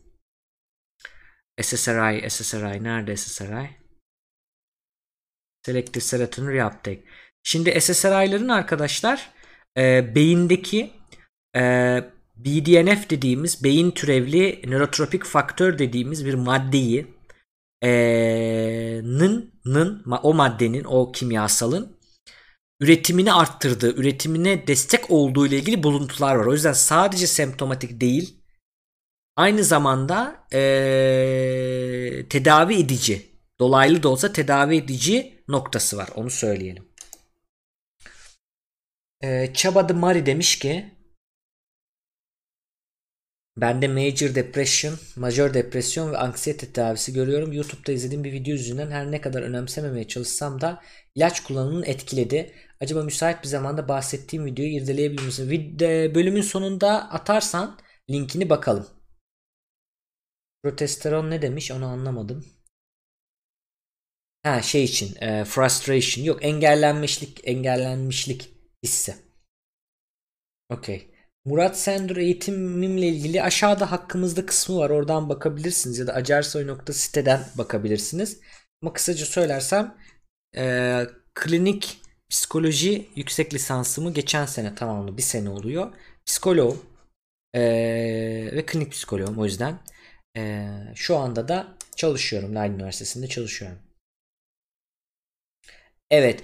Konu olarak ben böyle baktım. Yani bu olay evet böyle bir olay yaşandı. Ee, yaşanmasın gönül ister ki ama buradan travmayı alalım. Ve travmadan da işte bunların görüntülerini izlemek travmatize eder mi etmez mi? DSM'e göre etmez ama bana göre mantıken etme ihtimali var. O yüzden bu belirtileri demin detaylıca saydığım belirtileri dikkat etmekte fayda var. E, psikolojik ilk yardım konusunu başka bir yayına bırakalım. Onu şimdi ele almayalım. E, fakat böyle bir durumumuz var. Onu söyleyeyim arkadaşlar. Başka nelerden bahsedebiliriz? Ben bir başka bir şeyden konuşmak istiyorum. Kahve alıp gelsek mi diyor. Enerjiniz var mı? Ben de çay alayım geleyim. Ne diyorsunuz? Enerjiniz varsa bir çay kahve alalım geri gelelim. Bu arada Valhalla gelmiş. Hoş gelmiş Valhalla. Hala 41 kişi devam ediyor. Zamanla şöyle bir azalsa da 100 kişiyle başlayıp azalıyoruz. Evet geri geldim. Hı. Kimse ayrılmamış. Çok güzel. Ee, çay da aldım. Şimdi herkes aldı mı çayını kahvesini? Şimdi birkaç şeyden daha bahsedecektim. Ee, sona doğru onu yapalım. Bir de o vardı video vardı onu bakacağız. Ha şunu yazdım Twitter'da ben bunu bir göstereyim size. Yani e, bakalım katılacak mısınız bana konuda. Ee, böyle bir şey yazmıştım bu konuyla ilgili. Nerede o? Heh. Şu. Toplumsal travmadan bahsedeceğiz. Evet güzel. Şimdi e, travmatize olan bu olay yani yani toplumsal travma diye bir bozukluk yok bir kere onu söyleyelim. Ama şimdi bu demin insan için bahsettiğimiz şeyi topluma yaydığınızda şundan bahsediyoruz. Büyük toplumsal olaylarda birçok kişi bundan etkileniyor. Peki bu neye yol açıyor toplumsal anlamda? Ee, sosyal psikolojik olarak baktığımızda bizler ve onlar ve temel atıf hatası gibi sorunlara yol açıyor. Şimdi ondan bahsedeceğim aslında. Toplumsal travma dediğimiz deminkinin büyük insan topluluklarına e, yayılmasından bahsedebiliriz. Bir, iki de şundan bahsedebiliriz. Yayıldığında bu tabii ki belli toplumsal normlara sebebiyet verebilir. Yani bir ara çok sık mesela terör saldırısı olduğunda atıyorum merkezi yerlere insanlar gitmemeye başladı. E, çünkü travmatize olan insan tekrardan yaşayacağı korkusuyla gitmek. Ya da mesela ne bileyim eğlence sektörünün patlaması gibi daha fazla unutmak için eğlence sektörüne ne bileyim alkole falan sigaraya kendilerini vurmaları gibi toplumsal etkiler görüyoruz aslında. Travmatize olmuş bir toplum genelde o kadar uzun kalmıyor. Tekrar tekrar olayların olması gerekiyor toplumda. Çünkü bir grup etkisi yaratmamız gerekiyor. Toplumsal travmayı böyle söylüyoruz ama ana etkisi aslında daha önemli bir etkisi bizler ve onlar ve temel atıf hatası etkisi. Neden? Şimdi şey e, bir şeyleri gördünüz mü bilmiyorum. E, Twitter'da, Twitter'da her yerde şu konuşuluyor. İşte efendim e, Müslüman veya doğulu biri yaptığı zaman terörist işte terk etsin ülkeyi bilmem ne denirken beyaz adam yaptığı zaman e, ay ne sorunu var acaba bunu çözmemiz lazım bu tarz insanların psikolojisi çok bozuk falan deyip benden bir ayrım var diyorlar. Bakın bir tanesi bu. İki bugün bir tane karikatür gördüm. Ee, çok acı gerçekten. Galiba Cem Hoca mı paylaşmıştı? Dur bakayım gö- göstereyim size de. Aslında göstermeyeyim ya prim falan vermeyeyim ama. Ee, göstermeyeceğim, prim vermeyeceğim ona. Ee, şey karikatürü, adamın silahının üzerinde yazılar var ya, aynısının işte adama karşı olan bir Türk versiyonu nu yapılmış bir karikatür mesela. Şimdi bunlar arkadaşlar zaten bizim yine o bizler ve onları geçemediğimizi kastediyor. İşte İslamofobya çok kötüdür. İslamofobiyaya karşı olanları lanet. Evet tabii kötüdür. Ama ne yaptın? Gene bizler onlar yaptın. Adamın da yaptığı oydu. Sadece ekstrem ve saldırgan hali. Çok uzak değiliz o adam adamdan böyle yaparak. Yani o adam da ne yaptı? Bir yerde başladı tabii. Şey başlamasını söylüyorum. Son halini söylemiyorum. Aynı kefeye koymuyorum ama nasıl başladı? Dikkat edin. Yine öyle başladı. Ben işte Hristiyanım onlar Müslüman. Ben bilmem neyim işte ben Yeni Zelandalıyım onlar göçmen falan filan diyerek başlıyor. Anlatabiliyor muyum? İşte bir ne diyor Viyana kuşatması işte biz e, Viyana kuşatması kazandık onlar kaybetti bak. Hep bizler onlar ayrımıyla başlıyor. Oraya inmememiz gerekiyor. En güzellerinden bir tanesi doğru yaklaşımlardan bir tanesi şu. İnsanlık olarak hep her şeye birlikte üzülüp birlikte sevinmemiz gerekiyor. Farklılıklarımız olabilir ama bir araya geleceğimiz noktalar da olması lazım.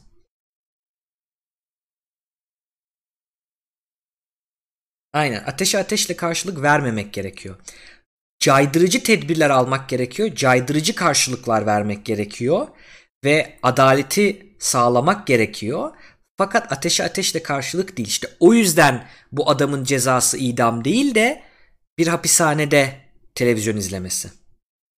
Anlatabiliyor muyum?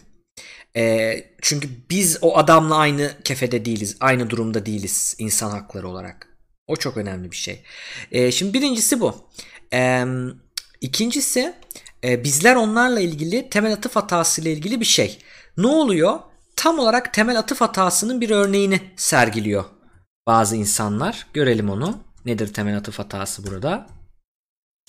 Çok klip çıktı ya bu şeyden. Yok burayı boş ver. Kurtulamıyoruz daha.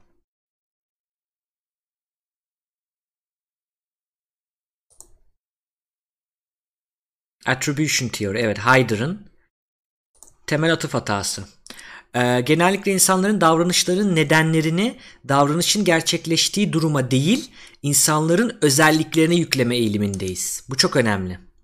Yani ben bir şey yaptığım zaman bir sürü yan etken vardı. Bir sürü sıkıntı vardı. Çok sıkılmıştım. Öyle olmuştu. Böyle olmuştu. Dış etkenlere bağlarken başkası yaptığında onu şeye bağlıyoruz. Şimdi örnek verelim. Adam o silaha bunu yazdı. Değil mi? Silaha bunu yazmasında ya ne kadar işte şey ne derler e, ne, ne diyorlar ona işte psikopat bilmem ne ırkçı bilmem ne söylüyorsun. Tamam mı? Fakat sen aynısını yapıp bunun yani aynısını derken silaha yazıp taramıyor da bunun karikatürünü yaptığında ne yapıyorsun? Ee, sorulduğunda işte ama adam böyle böyle yaptı bu kadar insanı katletti yapmayacak mıyız? Çiçek mi atsaydık? Deyip dış etkenlere bağlıyorsun. Buna fundamental attribution error temel atıf hatası diyoruz. Bakın bu çok önemli. Çok önemli. Nedenin duruma yüklenmesi daha az kendiliğinden üzerinde daha çok düşündükten sonra ortaya çıkar. Ayrıca daha iyi tanıdığımız insanların davranışlarının nedenlerini duruma yükleme eğilimimiz daha yüksektir. Senin grubundansa bizdense bizim gruptansa aynı bu da Amerika'nın yaptığı işte ee, bizden değilse bizim gruptan değilse öteki gruptansa işte zenci ise mesela siyahi ise işte ne bileyim gunman işte ne bileyim terörist bilmem ne suçlu, criminal falan derken beyaz birisi yaptığı zaman mentally ill bilmem kim. Hasta yumuşatıyor. Aynı şekilde bu da mentally ill yani adam yapmadı ya onun durumu bunu gerektirdi demek. Öteki yaptığını hayır bu kişi kötüydü diye dediğin demek. Bu çok önemli arkadaşlar. Temel atıf hatası yapıyoruz. Bunu da anlatmak istedim. E, peki ne yapacağız? Nasıl çözeceğiz? Oraya geleceğim şimdi yavaş yavaş. E, Demans demiş ki bu insanlar üzerinde deney yapılmalı. Tabi bu bir nazi deneyimi. Neyi kastediyoruz onu bilmiyorum ama araştırmamız gerekiyor, öğrenmemiz gerekiyor, anlamak gerekiyor. Bir, anlayacağım. İki, ne zaman oluşabileceğini tahmin edeceğim. Üç, engelleyeceğim. Bilim kurtaracak. Yayının başında söylediğim gibi. Katılıyorum sana Demaz. Neden idam değil de hapsin daha iyi olduğunu biraz açar, daha açar mısınız? Yani o adam hapis sonucu düzelebilir mi diye düşünmemiz gerekiyor.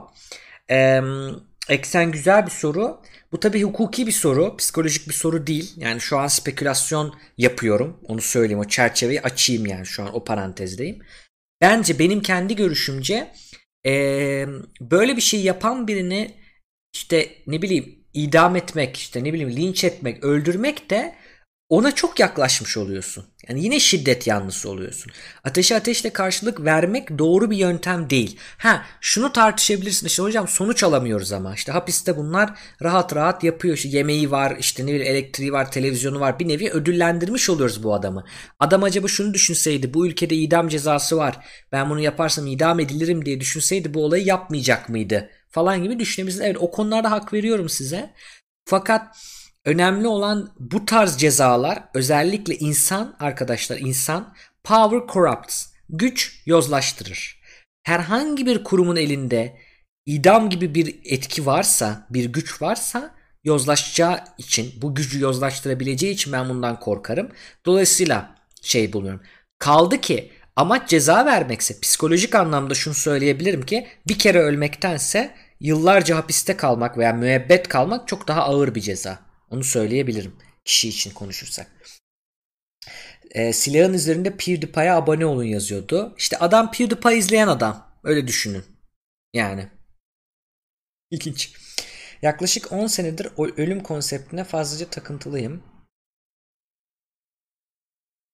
Bu arada şu an Hollanda'da fırtına var arkadaşlar. Acayip derecede. Bugün bisiklette Konuyu bir değiştiriyorum kusura bakmayın ama dışarıdan sesler geliyor bir şey göstereceğim size. Bakayım evet sarı alarm verilmiş tahmin ettiğim gibi. Ama bir dakika Zayt güneyde verilmemiş mi? Ha burada verilmemiş ya abartıyordum durumu. Neyse yarın var mı? Yok iyi rahat. Neyse ya bayağı bir fırtına vardı dışarıdan onu duydum da. Ee, heh, Murat Bey'in şeyine bakalım sorusuna. E, şimdi Murat Sendur'un sorduğu soru önemli bir soru ama bu konunun bu bölümün yani bu yayını çok çok aşacak bir konu. Çok kısaca söyleyeceğim onu da. Ölüm korkusu çok temel bir korku. Organizmalar içerisinde sadece insan değil yaşayan canlılar içerisinde önemli bir konu ve bunun psikolojik etkileri çok. Ne yazık ki bu konu sadece psikanalitik açıdan incelenmiş fakat bilimsel açıdan yani gene şimdi sallamış oldum ama bilimsel açıdan e, incelemelerin de yani daha daha deneysel diyeyim hani tamam bilimsel deneysel incelemeleri de var. E, bu incelemelere bakmak gerekiyor. Şu an onunla ilgili bir bilgim yok ama bu sadece sizin yaşadığınız bir şey değil. Sadece şöyle bir mantıkla düşünün. E, limitli yaşamınız içerisinde bu farkındayız. Buna odaklanıp var olanı da kaçırmak söz konusu. Böyle bakabilirsiniz diyebilirim size. Bu benim kendi görüşüm. Kendimizi bir kalıba sokarsak o kalıba uymayan kişileri de ötekileştiririz. Aynen öyle. Ee, dolayısıyla ad hominem yapmamak lazım. Hiçbir şeyde, hiçbir şeyde değil. Hayatta kısa yollar kullanabiliriz. Kısa yollar kullanabiliriz ama bunları insanlar üzerinde yapmamamız lazım. Kaideler yapmamamız. Ben mesela hiçbir zaman dikkat ediyor musunuz? Şu adam iyidir, şu kaynak iyidir. Bundan gönül rahatlığıyla okuyorum. Hayır değil. Türk Psikolojiler Derneği'ni okuyorum onda bile rahat değilim. PTSD için DSM'i okuyorum onda bile rahat değilim. Anlatabiliyor muyum? Hiçbir zaman güvenmiyorum. Tabii ki zor mu? Zor. Ama çok önemli. Fikirlerim beni değil ben fikirlerimi değiştirebiliyorum. Sabit fikirli olmamak gerekiyor hiçbir konuda.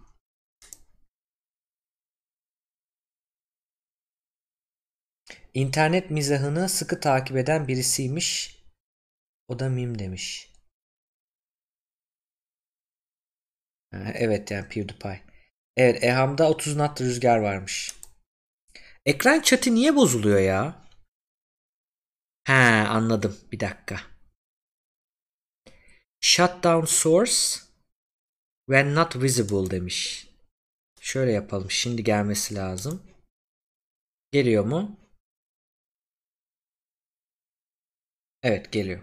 Tamam. Eee Okey. Şimdi ben dedim ki bu konuyla ilgili Yeni Zelanda olayı gösteriyor ki insan ırkı olarak tek bir ırk var insan ırkı. Orada da tabii türcülük yapmamak gerekiyor ama neyse o ayrı bir konu. Önce onu aşalım da. Bizler onlar kademesini geçememişiz diye ve mantık dışı politik mesajlardan hipnoz olmuş gibi etkileniyoruz. Hala politikacıların yarattığı etkilerden etkileniyor arkadaşlar. Yani bu konservatif, tutucu politikacıların etkisini altında kalabiliyorsanız kendinizi sorgulayın. Kendinizi sor. Herhangi bir politikanın, propagandanın etkisi altında bu kadar kolay kalıyorsanız kendinizi sorgulayın. İnsanlar niye etkileniyor? Çünkü oy kazanmak uğruna, gündelik kazançlar uğruna oy kazanmak, izleyici çekmek, YouTube bile, Twitch bile para kazanmak uğruna böyle şeyleri öne çıkardıkça yarınlara kalıcı etkiler bırakıyor. Bakın çok önemli bir şey bu. Buna dikkat etmemiz gerekiyor. Çok mühim bir konu. Pakung 57 hoş geldin. Bunun üzerinde şunu söyledim. Biz çözüm önerisi olarak benim. Yine birileri birilerini lanetliyor. Terörü lanetliyoruz. İşte esefle kınıyoruz. Çok çok kınıyorum. Ben daha çok kınıyorum falan olacak. Ne olacak? Hiçbir şey değişmeyecek yine. Onun yerine bu gibi olaylarda mesela bundan sonra şöyle bir şey çıksa. Uluslararası atıyorum İslamofobiya kongresi. Fakat sadece kongre toplanmak için kongre bazı uluslararası şeyler var Türkiye'de. Adı uluslararası da başka kimsenin haberi yok. Öyle şeyler var. Öyle değil. Adam akıllı. Örnek veriyorum bir araştırma kuruluşu, bir fon. Mesela camide ölenlerin arasında bir bilim insanı var mıydı? Bilmiyorum. İnşallah yoktur. Ama yani kimse olmasın da hani ayırmıyorum ama mesela bu bilim insanının isminle bir fon açsa bir hükümet. Atıyorum mesela Hollanda atıyorum Türkiye dese ki Türkiye her yıl ben e, terörün psikolojisini anlam interdisipliner psikolojisi, fizyolojisi, sosyolojisi, efendim reklam, PR tarafı, işte ne bileyim hukuki tarafı bununla ilgili bir interdisipliner bir enstitü kurulmasına para vereceğim.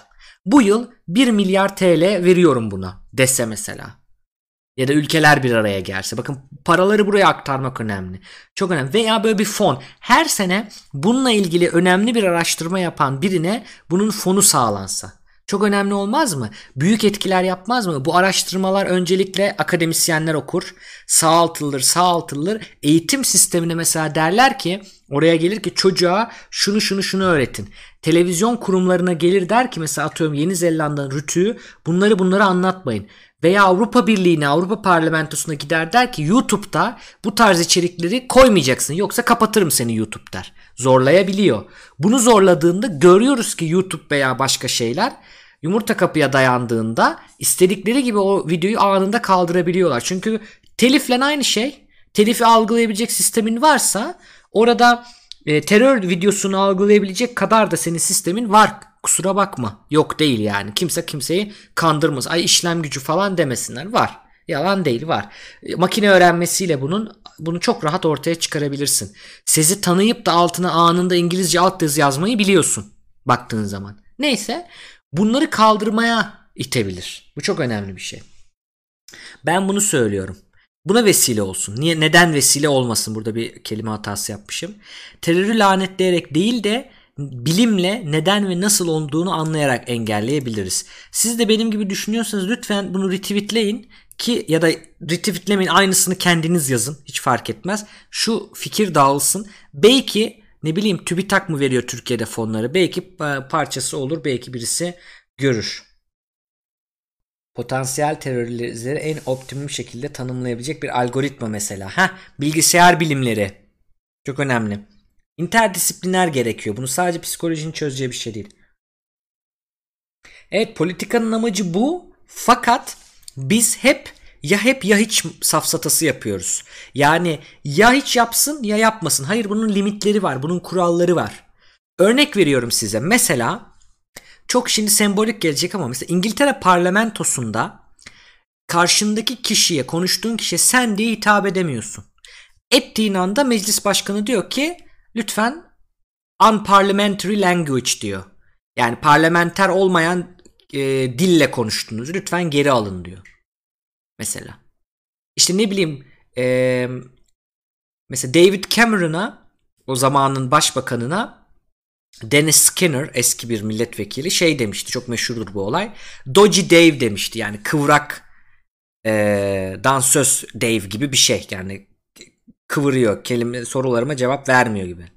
Bunu dedikten sonra mesela o adam o gün boyunca artık 80 yaşında mıdır nedir o gün boyunca şeylere giremedi. Onu bırak canlı yayında oradan böyle çıkmak çıkmak zorunda kalmak bile bir cezadır mesela baktığımızda. Dolayısıyla yapıyor mu? Yapıyor. Evet daha mı iyi? Birazcık daha iyi ama yine politika yine yozlaşmış durumda. Fakat belli limitler koyabilirsin ve bunları harfi harfine uygulayabilirsin. Örnek veriyorum. Bence ülkelerde bir e, bağımsız bir kurulun bağımsız bir kurulun politikacıları söylemleriyle yargılayacak veya ceza verecek bir bağımsız bir şey olması lazım. Meclis başkanı gibi.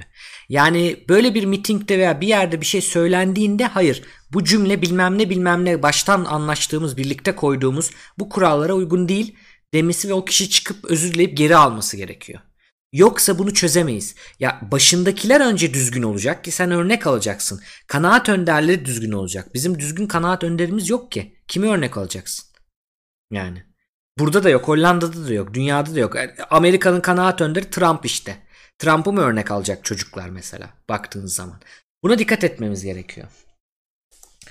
Ee, o yüzden o önemli. Etkilenmemek çok zor çünkü nasıl etkileriz diye düşünüyorlar. Doğru ama kan, onu limitlemek gerekiyor. Bir yerde durdurmak gerekiyor. Bir şeyin sonu olması gerekiyor. Televizyondaysa doğrudur diye düşünüyordum. Artık kaynak yoksa yalandır diyorum. İşte bu demans. İstediğimiz bu. Bir kişi demans böyle düşünüyorsa bizim sebebimiz de değildir 2-3 yıl önce diyorsan yani bizden ötürü değildir ama ne mutlu ki birileri böyle düşünüyor. Bu çok önemli. Ee, önce silahlanmaya harcanan fon azaltılsa öyle olmuyor. Yani mesela küresel ısınma nasıl çözülecek biliyor musunuz? Çözülecek arkadaşlar ama işte biz ne bileyim dikkatli kullanalım, mukkatlı kullanalım falan değil. Geri dönüşüm değil. Geri dönüştürüyorsan para verecek sana. Dönüştürmüyorsan vergi verecek gibi ağır vergilerle, ağır cezalarla ve yine bunlarla da değil. Çünkü ülkeleri cezalandıramıyorsun bir yerden sonra. Ne yapacaklar? Atmosferin statosfer tabakasına öyle çalışmalar var. Uçaklarla önemli şu an uçakları icat edemedik de icat edildiğinde uçaklar o uçaklarla belli maddeler sıkacaklar. O maddeler güneş ışığını dışarıya yansıtacak ve bu sayede belli bir 10 yıl sonra küresel ısınmayı durdurmaya hedefliyorlar. Bu şekilde çözecek. İnsanlar öyle bir silahlandırmaya fon verelim, ay azaltalım falan öyle ne yazık ki işlemiyor.